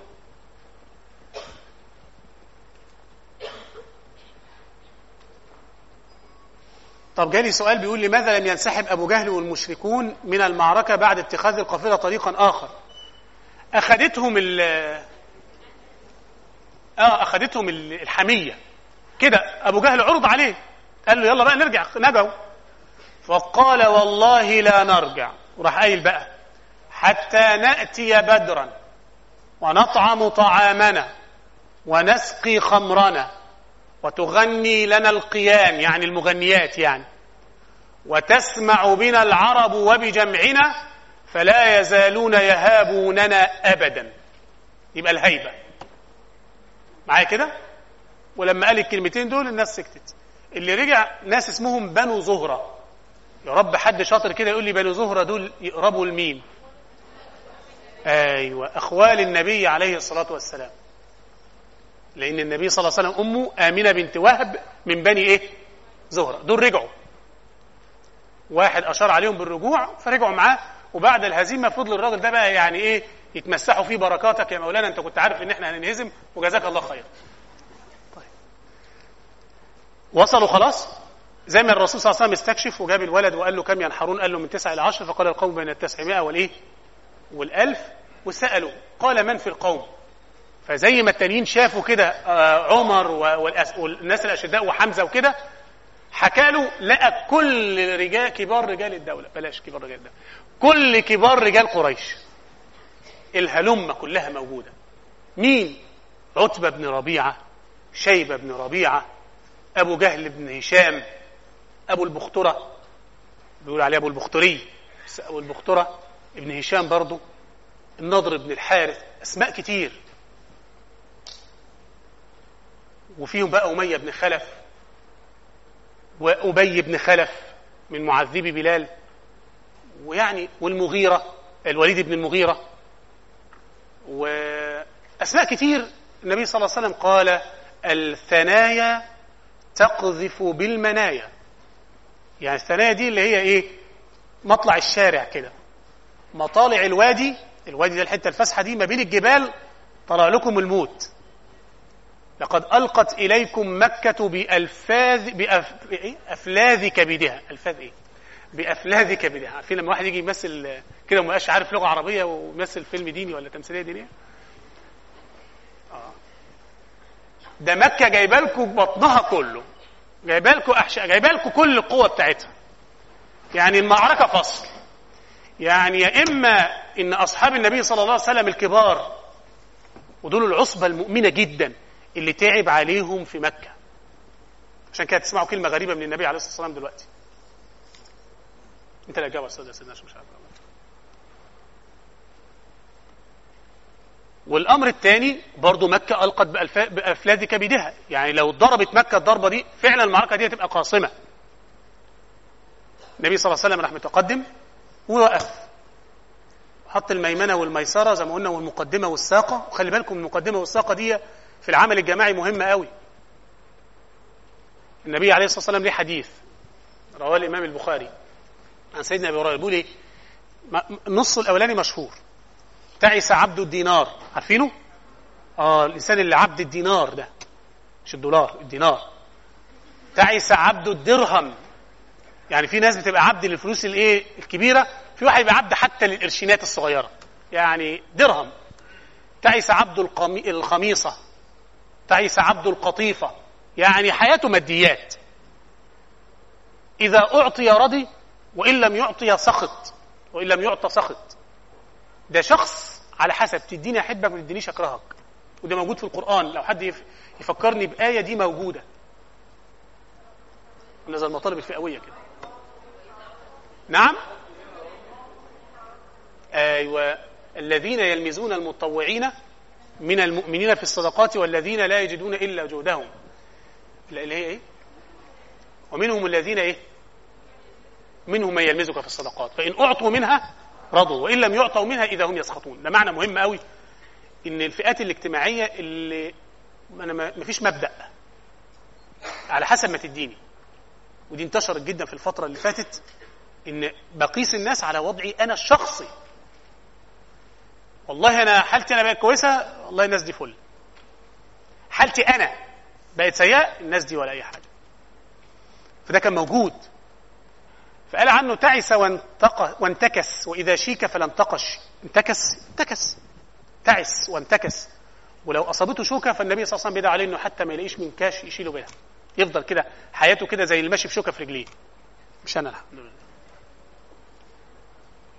طوبى لرجل. آخذ بعنان فرسه. أشعث رأسه مغبرة قدم أو مغبرة قدماه.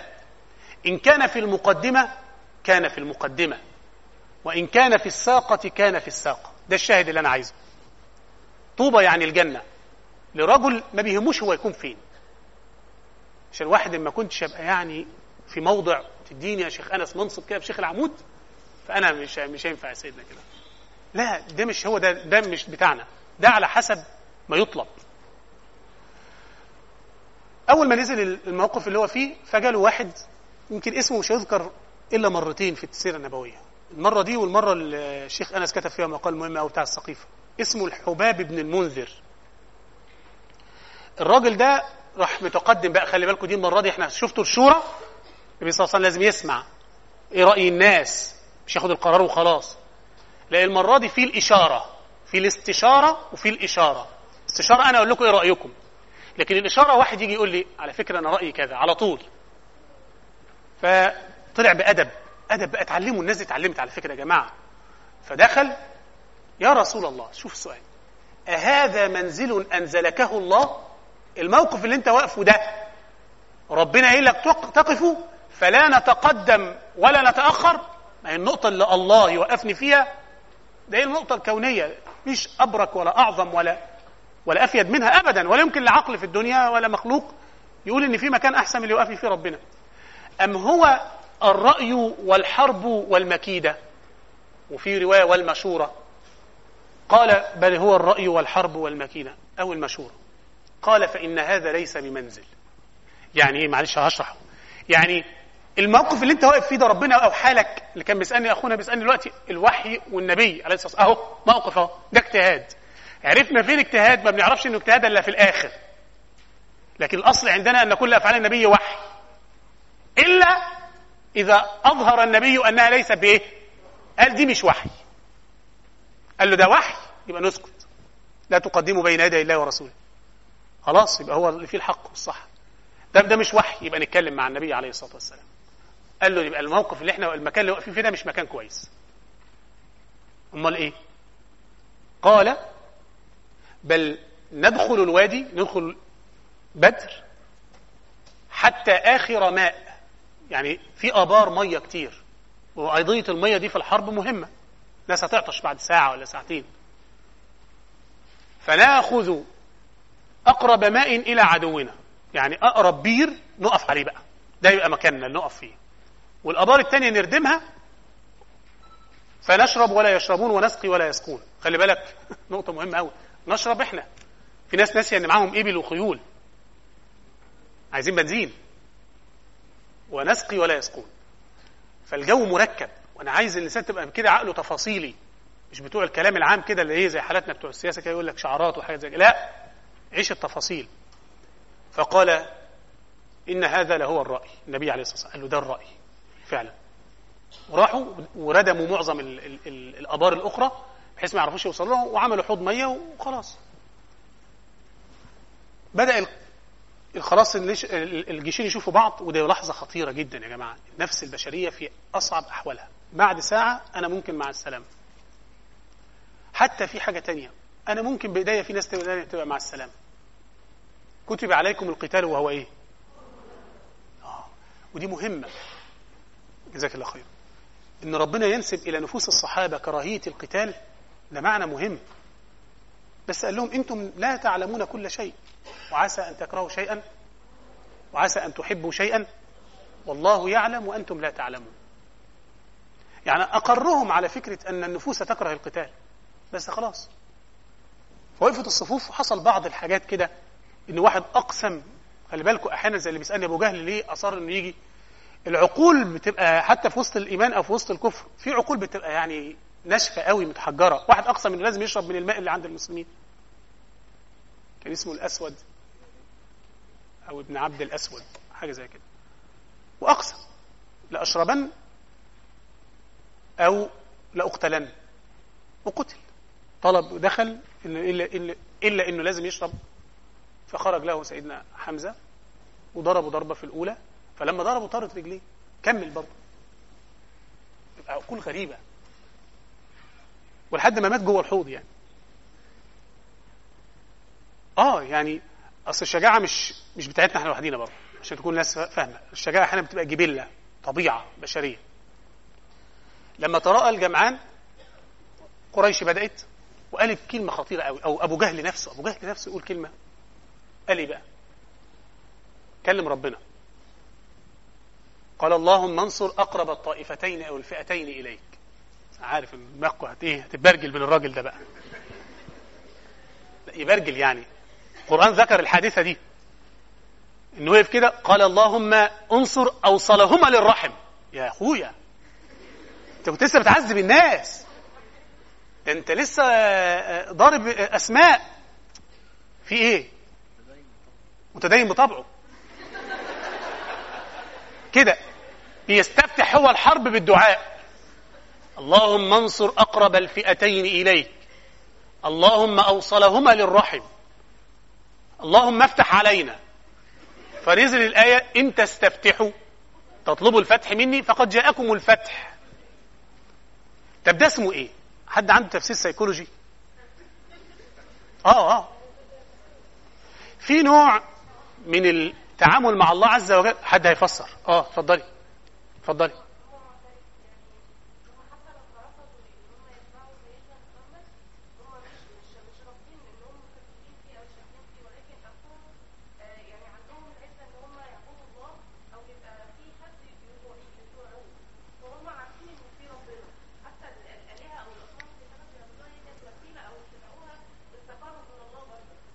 آه أحسنتي. هو عايز يبقى حتى لو ليه صلة بالله تبقى على مزاجه. وده انقلاب في مسألة ده انعكاس في مسألة الألوهية والربوبية. إن أنا عبد وها وهو الرب فأنا لا أفرض على ربي شيئا. أنا أقول له انصرني طلب استغاثة وتوسل وليس العكس.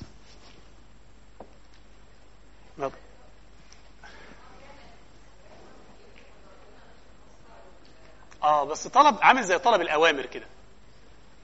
لما تتدبريه كده هتحسي بإنه مش بيتكلم مع الله عز وجل بحكاية العبودية المذللة أو المخضعه نفسها لله عز وجل فإذا أمر أطعت. لا أنا دلوقتي عندي طلبات وأنت هتعملها. ما بضحكش ده حقيقي ده على فكرة كتير واندست في مولانا الشيخ أنس بيشير إليه في المتدين بطبعه إنه بيبقى بيعمل أشد الكوارث وبيقول يا رب اعمل كذا كأنه بيقسم المهام. دي خطيرة ما تستهتروش بيها. ده القرآن عالجها معالجة طويلة. انت شايفين الراجل ودخل جنته وهو ظالم إيه؟ شوفوا كلامه عجيب يا جماعة. ما أظن أن تبيد هذه أبدا وما أظن الساعة قائمة. عارف يعني إيه ما أظن الساعة قائمة؟ يعني ربنا مش هقابله بس لو قابلته لأجدن خيرا منها منقلبا. إيه ده؟ انت إيه ده؟ إيه البجاحة دي؟ أنتوا واخدين بالكم دي عقلية الأساس الجوهر السيكولوجي زي ما حضرتك أشرت شوية كده ليها. إن هو بيتعامل مع الرب بتعامل م... يعني إيه منعكس. طيب. آه. آه. آه. هو فيها درجة من درجات الاستهزاء بمقام الله. حتى لو قال أنا ما بعملش كده بس الأمر على ظاهره كده. زي كتير من الأغاني الماجنة اللي فيها كلام عن ربنا برضه. يبقى هو عارف إنه بيعمل حاجة فيها فسوق ولا ترضي الله ويدخل فيها كلام لربنا ويمكن لو حد بيسمع حاجات كده يستكشف حاجات من كتير. النبي عليه الصلاة والسلام تراءى الجمعان استفتح أبو جهل وربنا قال له إن تستفتحوا فقد جاءكم الفتح وإن تنتهوا فهو خير لكم وإن تعودوا نعد. ولن تغني عنكم فئتكم شيئا ولو كثرت وأن الله مع المؤمنين مش مع أي حد. طيب نعم؟ قولي.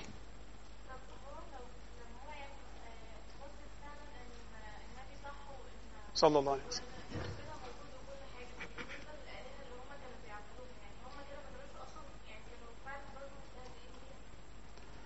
وحصل تروي الروايات إن أبو جهل إحنا قدامنا خمس دقايق. خلي بالك عشان الوقت بيجري. جلس هو أحد القرشيين وأثناء قبل المعركة على طول. قال يا يعني هو بيقول له يا أبا جهل ما قولك في محمد؟ قال والله لا نكذبه. ولكن كنا نحن وبنو هاشم كفرسي رهان. عارفين الرواية دي؟ معناها يعني بيقول إحنا ما بنكذبوش بس المسألة فيها حاجات إحنا مش هنعرف نتعامل معها إن إحنا كنا إحنا وبني هاشم اللي هم عائلة النبي عليه الصلاة والسلام كنا بنتنافس مع بعض. هم لهم السقاية زمزم وغيرها وإحنا لنا الرفادة هم لهم كذا إحنا لنا كذا. يعني هم ياخدوا وظيفة أو ياخدوا حاجة فيها جاء منصب إحنا ناخد منصب. حتى قالوا منا نبي فأنا يكون منا نبي.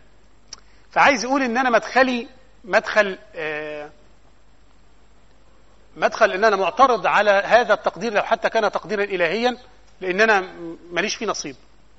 ودي موجودة في القرآن آه وكذلك جعلنا في كل قرية أكابر مجرميها ليمكروا فيها وما يمكرون إلا بأنفسهم وما يشعرون. وإذا جاءتهم آية قالوا لن نؤمن حتى نؤتى مثل ما أوتي رسل الله. وفلاسفة كتير كفروا بالمعنى بسبب المعنى ده. إن هو عايز يبقى هو بيتألى على الله أن يختار. هو عايز هو اللي يختار. فربنا قال له الله أعلم حيث يجعل رسالته.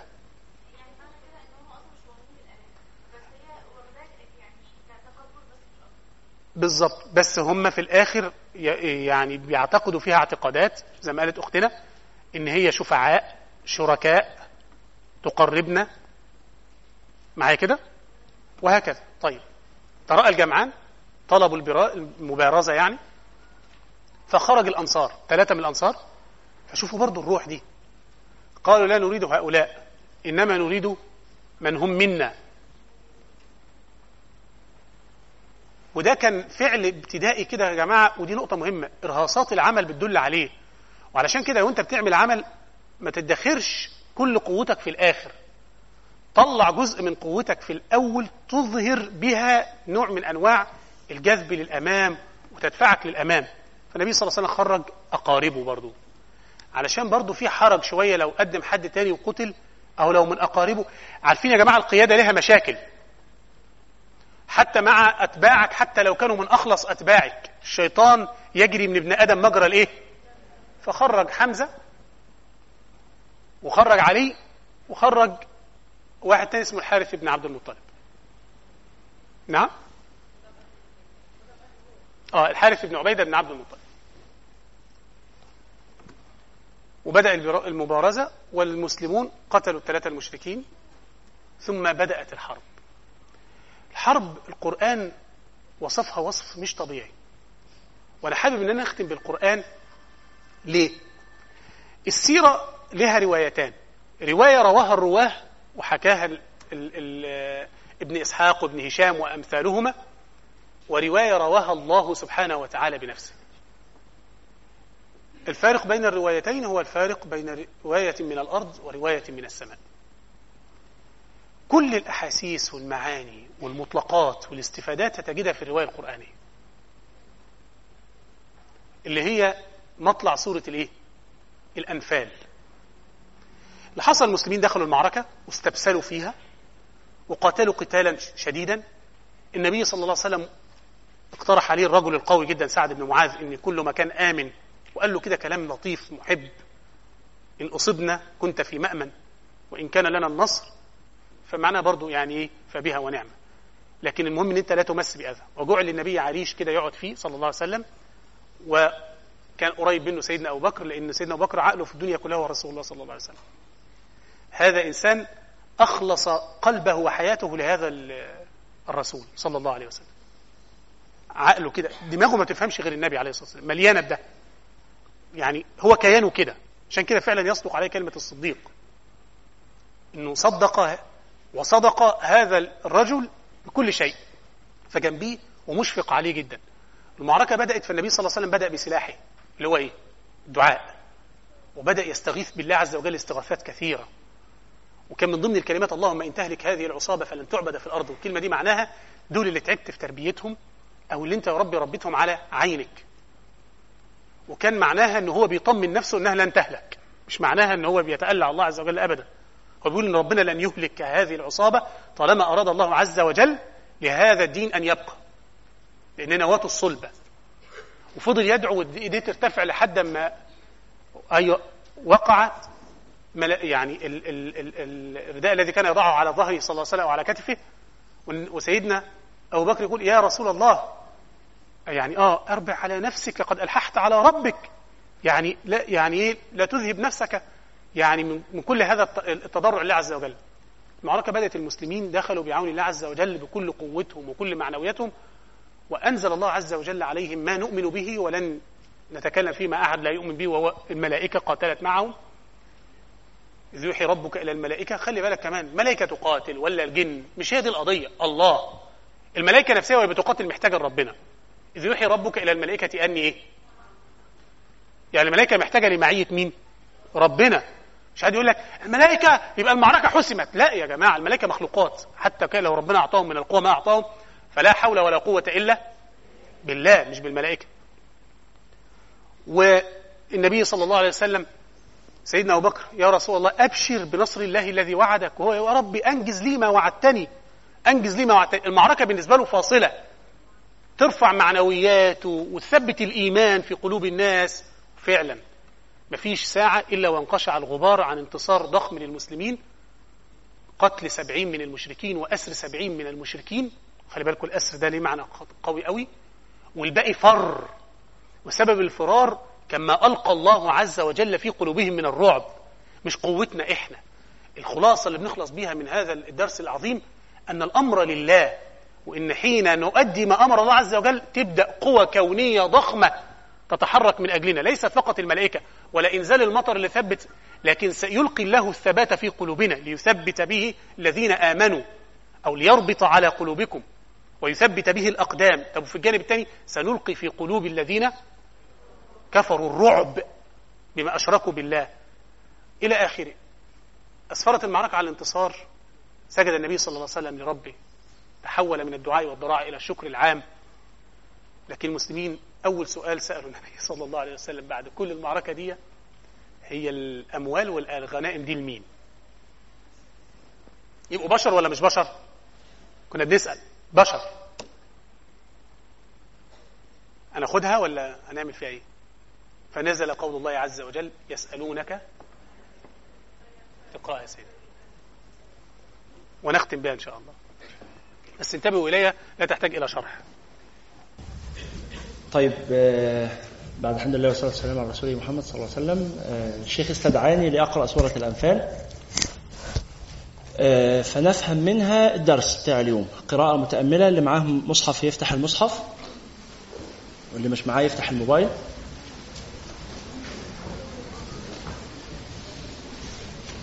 هنفهم قصة غزوة بدر من خلال سورة الأنفال.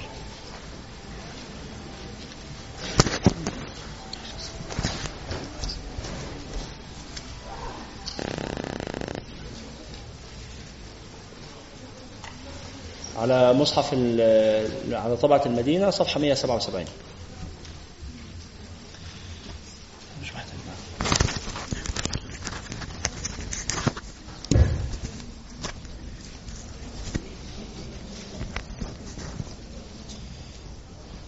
بسم الله الرحمن الرحيم. يسألونك عن الأنفال قل الأنفال لله والرسول. فاتقوا الله وأصلحوا ذات بينكم وأطيعوا الله ورسوله إن كنتم مؤمنين. في هذه الآية تنتهي المعركة ويريد الله سبحانه وتعالى أن يثبت الجبهة الداخلية. فلا يفتننكم المال عن أن تخرجوا عن طبع رسول الله صلى الله عليه وسلم أو أن تختلفوا في مطمع من الدنيا زائل فاتقوا الله وأصلحوا ذات بينكم. في ناس ما يفرقهمش الحرب وتفرقهم الفلوس.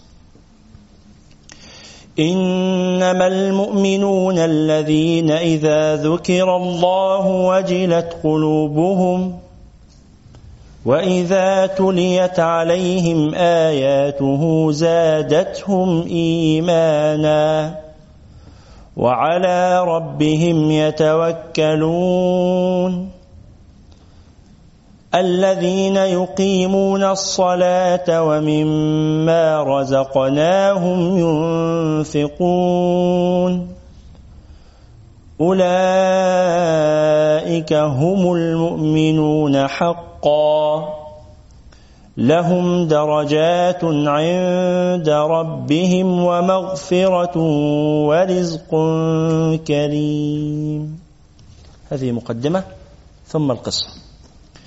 كما أخرجك ربك من بيتك بالحق وإن فريقا من المؤمنين لكارهون يجادلونك في الحق بعدما تبين كأنما يساقون إلى الموت وهم ينظرون. وإذ يعدكم الله إحدى الطائفتين أنها لكم وتودون أن غير ذات الشوكة تكون لكم ويريد الله أن يحق الحق بكلماته ويقطع دابر الكافرين. ليحق الحق ويبطل الباطل ولو كره المجرمون. إذ تستغيثون ربكم فاستجاب لكم. فاستجاب لكم أني ممدكم بألف من الملائكة مردفين. وما جعله الله إلا بشرى لكم. وما جعله الله إلا بشرى ولتطمئن به قلوبكم. وما النصر إلا من عند الله إن الله عزيز حكيم إذ يغشيكم النعاس أمنة منه وينزل عليكم من السماء ماء ليطهركم به ويذهب عنكم رجز الشيطان وليربط على قلوبكم ويثبت به الأقدام إذ يوحي ربك إلى الملائكة أني معكم فثبتوا الذين آمنوا سألقي في قلوب الذين كفروا الرعب فاضربوا فوق الأعناق واضربوا منهم كل بنان ذلك بأنهم شاقوا الله ورسوله. ومن يشاقق الله ورسوله فإن الله شديد العقاب. ذلكم فذوقوه. وأن للكافرين عذاب النار. يا أيها الذين آمنوا إذا لقيتم الذين كفروا زحفا فلا تولوهم الأدبار. ومن يولهم يومئذ دبره إلا متحرفا لقتال أو متحيزا إلى فئة فقد باء فقد باء بغضب من الله ومأواه جهنم وبئس المصير فلم تقتلوهم ولكن الله قتلهم وما رميت إذ رميت ولكن الله رمى وليبلي المؤمنين منه بلاء حسنا إن الله سميع عليم ذلكم وأن الله موهن كيد الكافرين. إن تستفتحوا فقد جاءكم الفتح وإن تنتهوا فهو خير لكم وإن تعودوا نعد ولن تغني عنكم فئتكم شيئا ولو كثرت وأن الله مع المؤمنين. صدق الله العظيم.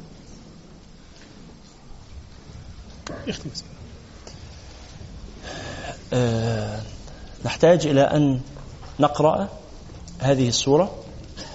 وأن نقرأ تفسيرها لأن علاقتنا باللغة العربية ربما تحجبنا عن آه، فهم معاني كثير من الآيات أو بعض الآيات. فنحتاج إلى أن نقرأ تفسير سورة الأنفال وأحيلكم أو نحيلكم إلى آه، تفسير القرطبي وتفسير الطبري. تفاسير كثيرة لكن يعني علشان تبقوا عارفين وجهتكم يعني وما تتوهوش نقرأ من أي تفسير. فده اقتراح. أو اقرأوا من أي تفسير شئتم. تفسير القرطبي أو تفسير الطبري بالذات مقدمة القصة مقدمة السورة بداية تفسير السورة. آه، اقرأوا سورة ده تكليف هذا الأسبوع من النهاردة لغاية الأسبوع اللي جاي تكونوا قرأتم سورة الأنفال وقرأتم تفسيرها. وإسقاط هذه الآيات على آه، غزوة بدر. يا أيها الذين آمنوا استجيبوا لله وللرسول إذا دعاكم لما يحييكم. هو إيه اللي يحيي المؤمنين. اللي يحيي المؤمنين إن هم يقعدوا في البيت أحياء. لا اللي يحيي المؤمنين إن هم يخرجوا للقتال. بس القتال ده بيقتل بيميت مش بيحيي. لا ما هو ما هو عند الله القتال بيحيي. تاني فكرة المعيار اللي بدأ بها الدكتور. المعيار عند الله ولا عند الناس؟ ما يحييكم عند الله ما يحييكم بمعيار الله سبحانه وتعالى ما يحييكم بقانون الله سبحانه وتعالى. واتقوا فتنة لا تصيبن الذين ظلموا منكم خاصة. لا تأمرون بالمعروف ولا تنهون عن المنكر ولا تأخذون على أيدي الظالم واذكروا إذ أنتم قليل مستضعفون في الأرض تخافون. تحول الخوف إلى الأمن إذ يغشيكم النعاس أمنا. نقف بس مع الآيات الرئيسية. أو كل الآيات يعني أساسية. إذ يمكر بك الذين كفروا ليثبتوك أو يقتلوك أو يخرجوك. ويمكرون ويمكر الله. والله خير الماكرين. يعني إيه الله خير الماكرين؟ إيه معنى مكر الله؟ ساعات ناس تت... يعني تقف مع كلمة المكر دي. مكر الله ينسب إلى الله سبحانه وتعالى مكر. إيه؟ في مكر حسن ومكر سيء أحسنتي بس محتاجين نتأمل. إيه معنى كلمة مكر الله دي؟ نبص فيها كده. يا أيها الذين آمنوا آه، آه، وإذا آه، وإذا تتلى عليهم آياتنا قالوا قد سمعنا. ده المشركين. لو نشاء لقلنا مثل هذا. يعني أنت إيه جبت إيه جديد يعني؟ ما إحنا الكلام عارفينه. ما إحنا الكلام عارفينه. إحنا مش محتاجين اللي أنت بتقول عليه ده. لا نحتاج إلى مثل هذا. إحنا أمورنا مكفية كده. ننظم أمورنا بأنفسنا والاختراعات الحديثة والعلم الحديث ومش محتاجين. نقرأ القرآن بقراءة واقعية. ب... ب... ب... بكلام الواقع. خلاص؟ وما كان الله يعذبهم وأنت فيهم. هل رسول الله صلى الله عليه وسلم فينا أم ليس فينا؟ رسول الله فينا. إذا كان رسول الله صلى الله عليه وسلم فينا فلا يعذبنا الله سبحانه وتعالى. النبي صلى الله عليه وسلم قال تركت فيكم ما إن تمسكتم به لن تضلوا. فرسول الله فينا. وما كان الله ليعذبهم وأنت فين؟ وأنت فيهم. وما كان الله يعذبهم وهم يستغفرون. فاللي عايز ينجو من العذاب وما لهم ألا يعذبهم الله. وهم يصدون عن المسجد الحرام. وما كانوا أولياء. إيه علاقتهم هم بالمسجد الحرام؟ يظنون أنهم يرعون المقدسات والحرمات وما كانوا. إن اولياء إلا المتقون ولكن أكثرهم لا يعلمون. عندهم مشكلة في العلم عندهم مشكلة في الإدراك المطابق للواقع عندهم مشكلة في المقدمات التي تؤدي إلى الانتاج وفق كلام الله سبحانه وتعالى. ربنا سبحانه وتعالى يريد الحرب لكن ربي أراد الحرب مجهدة. والنفس تطهر إن عودتها الجهد ليميز الله الخبيث من الطيب ويجعل الخبيث بعضه على بعض فيركمه جميعا. دي إرادة ربنا سبحانه وتعالى. ده مش تدبير البشر. إذ يريكهم الله في منامك قليلا. الله سبحانه وتعالى ساعات يغير الحقائق في عينين الناس عشان أمر يريده سبحانه وتعالى. إذ يريكم الله في منامك قليلا ولو أراكم كثيرا لفشلتم ولا تنازعتم في الأمر وعصيتم. إذ يقول المنافقون والذين في قلوبهم مرض. آدي خطيرة. أنا حابب بسمع الآية دي ومع آيتين كمان في الصفحة اللي جاية. إذ إذ يقول المنافقون والذين في قلوبهم مرض. غر هؤلاء دينهم يعني الناس دي مضحوك عليها. الناس دي دماغها ملخبطة. الناس دي آه، مش عارفة حاجة. الناس دي تايهة. إذ يقول المنافقون والذين في قلوبهم مرض غر. هو الدين بيغر؟ الدين بيضل؟ آه ال- ال- المجرمين يظنون هذا يظنون أن أهل الإيمان إن تمسكوا بدينهم فده ده تضليل ده ضلال منهم إن هم يعني إيه دينهم ضحك عليهم دينهم وعدهم بحاجات وما هل وجدتم وعد ربكم حقا؟ مش هتلاقوا حاجة. إذ يقول المنافقون والذين في قلوبهم مرض غر. هؤلاء دينهم؟ ومن يتوكل على الله فإن الله عزيز حكيم. شوف الآية اللي بعد كده 57 فإما تثقفنهم في الحرب فشرد بهم من خلفهم. في رسالة للمعاصرين ورسالة للأجيال المقبلة.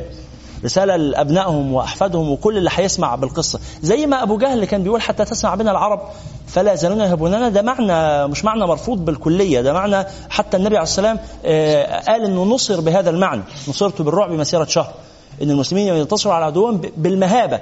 ولا ولا الله سبحانه وتعالى لما اتكلم عن الوهن النبي صلى الله عليه وسلم لما اتكلم عن الوهن الذي يكون في آخر الزمان الوهن هو ليقذفن الله المهابة في قلوب عدوكم ولا ينزعن الله من قلوبكم ال- ولا يقذفن الله في قلوبكم ولا ينزعن الله المهابة من قلوب عدوكم ولا يقذفن الله في قلوبكم الوهن.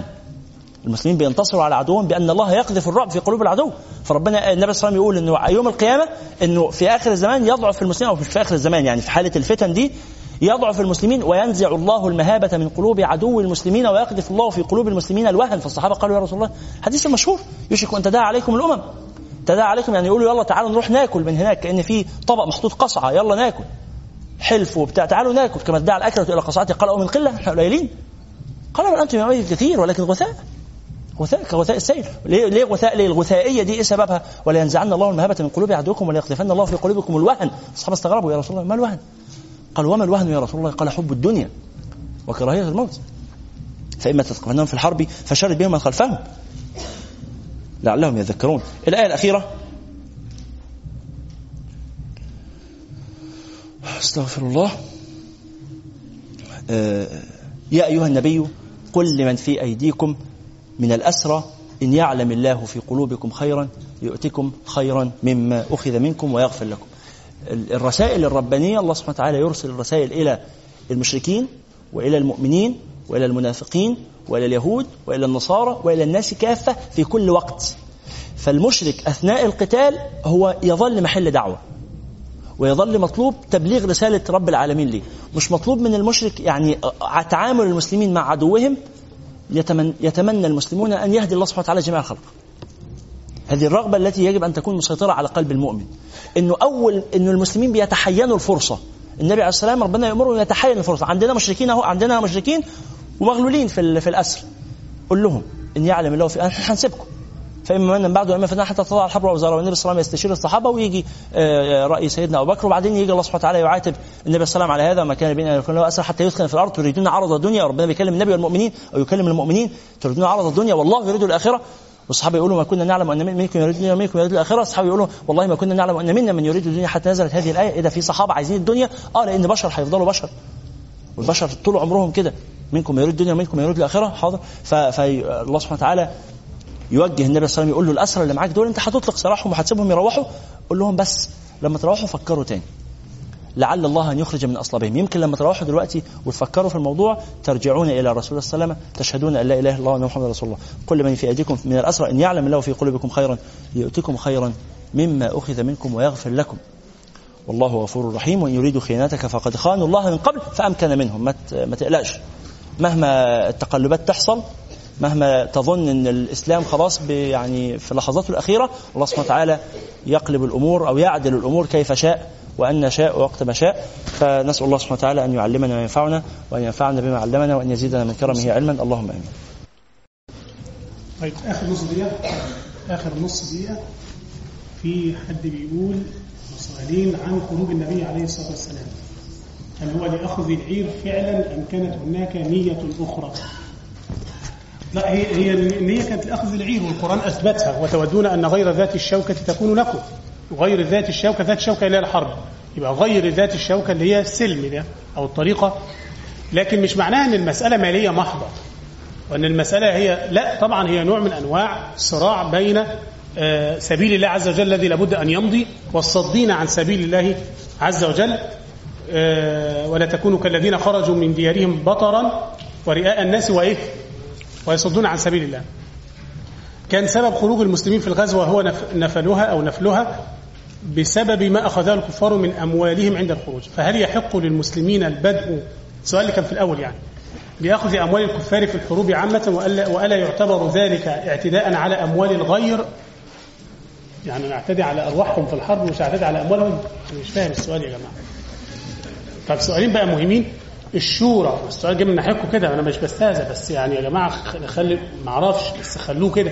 الناس بتعتبرنا كأننا مثلا بتوع طرق مش بتوع طرق دي حرب. أموال إيه اللي بنتكلم فيها؟ الناس تاخد أرواح بعض. الشورى كنظرية عظيمة ليس بس مش عارف إيه، كتطبيق. أو ليس كتطبيق. ملهاش ضوابط واضحة. أنا عاجبني السؤال ده أوي. ولها متط- متطلب تقوى وورع الحاكم. وده مستحيل تقريبا. يبقى النظرية ممكن تتطبق علامة استفهام وتعجب. طيب يعني هو ربنا قال وأمرهم إيه؟ يعني ربنا بيقول على حاجة ملهاش ضوابط ولا أنا ما أعرفش الضوابط؟ بيقول له وشاورهم في الأمر ملهاش ضوابط ولا أنا ما أعرفش؟ أنا بقول لكل باحث كل طالب علم الإثبات لك والنفي صعب. يعني إيه؟ خد الكلام ده. أنا أعرف حديث أعرف آية أعرف حكم فقهي أنا قلت أهو أعرف فبأثبت وجود الحديث أو الآية أو الحكم الفقهي. لكن أنفي وجود أنفي وجود الشيء في الإسلام يبقى أنا استوعبت الموضوع وما لقيتش. حد واخد باله؟ عشان أستوعب القرآن والسنة والفقه ولا أجد الشيء. حاضر. اتفضل سيد سيد مين؟ فاطمة؟ فاطمة؟ كشرة يا فاطمة ليه أو كده؟ فضتيني طيب. معايا يا جماعة الخير. واضح السؤال الثاني اللي بقول عليه ده؟ الباحثين الجداد معايا دكتور رجب؟ عشان انت بتعملها معايا كتير الحكاية دي. بيعمل إيه معايا؟ يقول أنتوا ما عندكوش. أقول له يا والله انت يعني طفت في الدين طواف كويس. وما لقيتش. يقول لا هو فين؟ يعني أنا بسأل السؤال الأول. طفت ولا ما طفتش؟ يعني لفيت في الدين وما لقيتش ولا ما لفتش ده انت ما قريتش. مش انت طبعا يا دكتور رجب أنا عارف لحد بالليل وانت عمال توجع دماغي بالقرايه لكن أنا والله بتكلم بجد. دي حاجة كده آفة موجودة عند حتى يعني الاساتذه الكبار. يقول اصل المسلمين ما عندهمش ضوابط للشورى ولا عندهم مؤسسية ولا عندهم بتنجانية والكلام ده كله. والله أنا أقبل هذا الكلام من حد عمل جهد وبحث.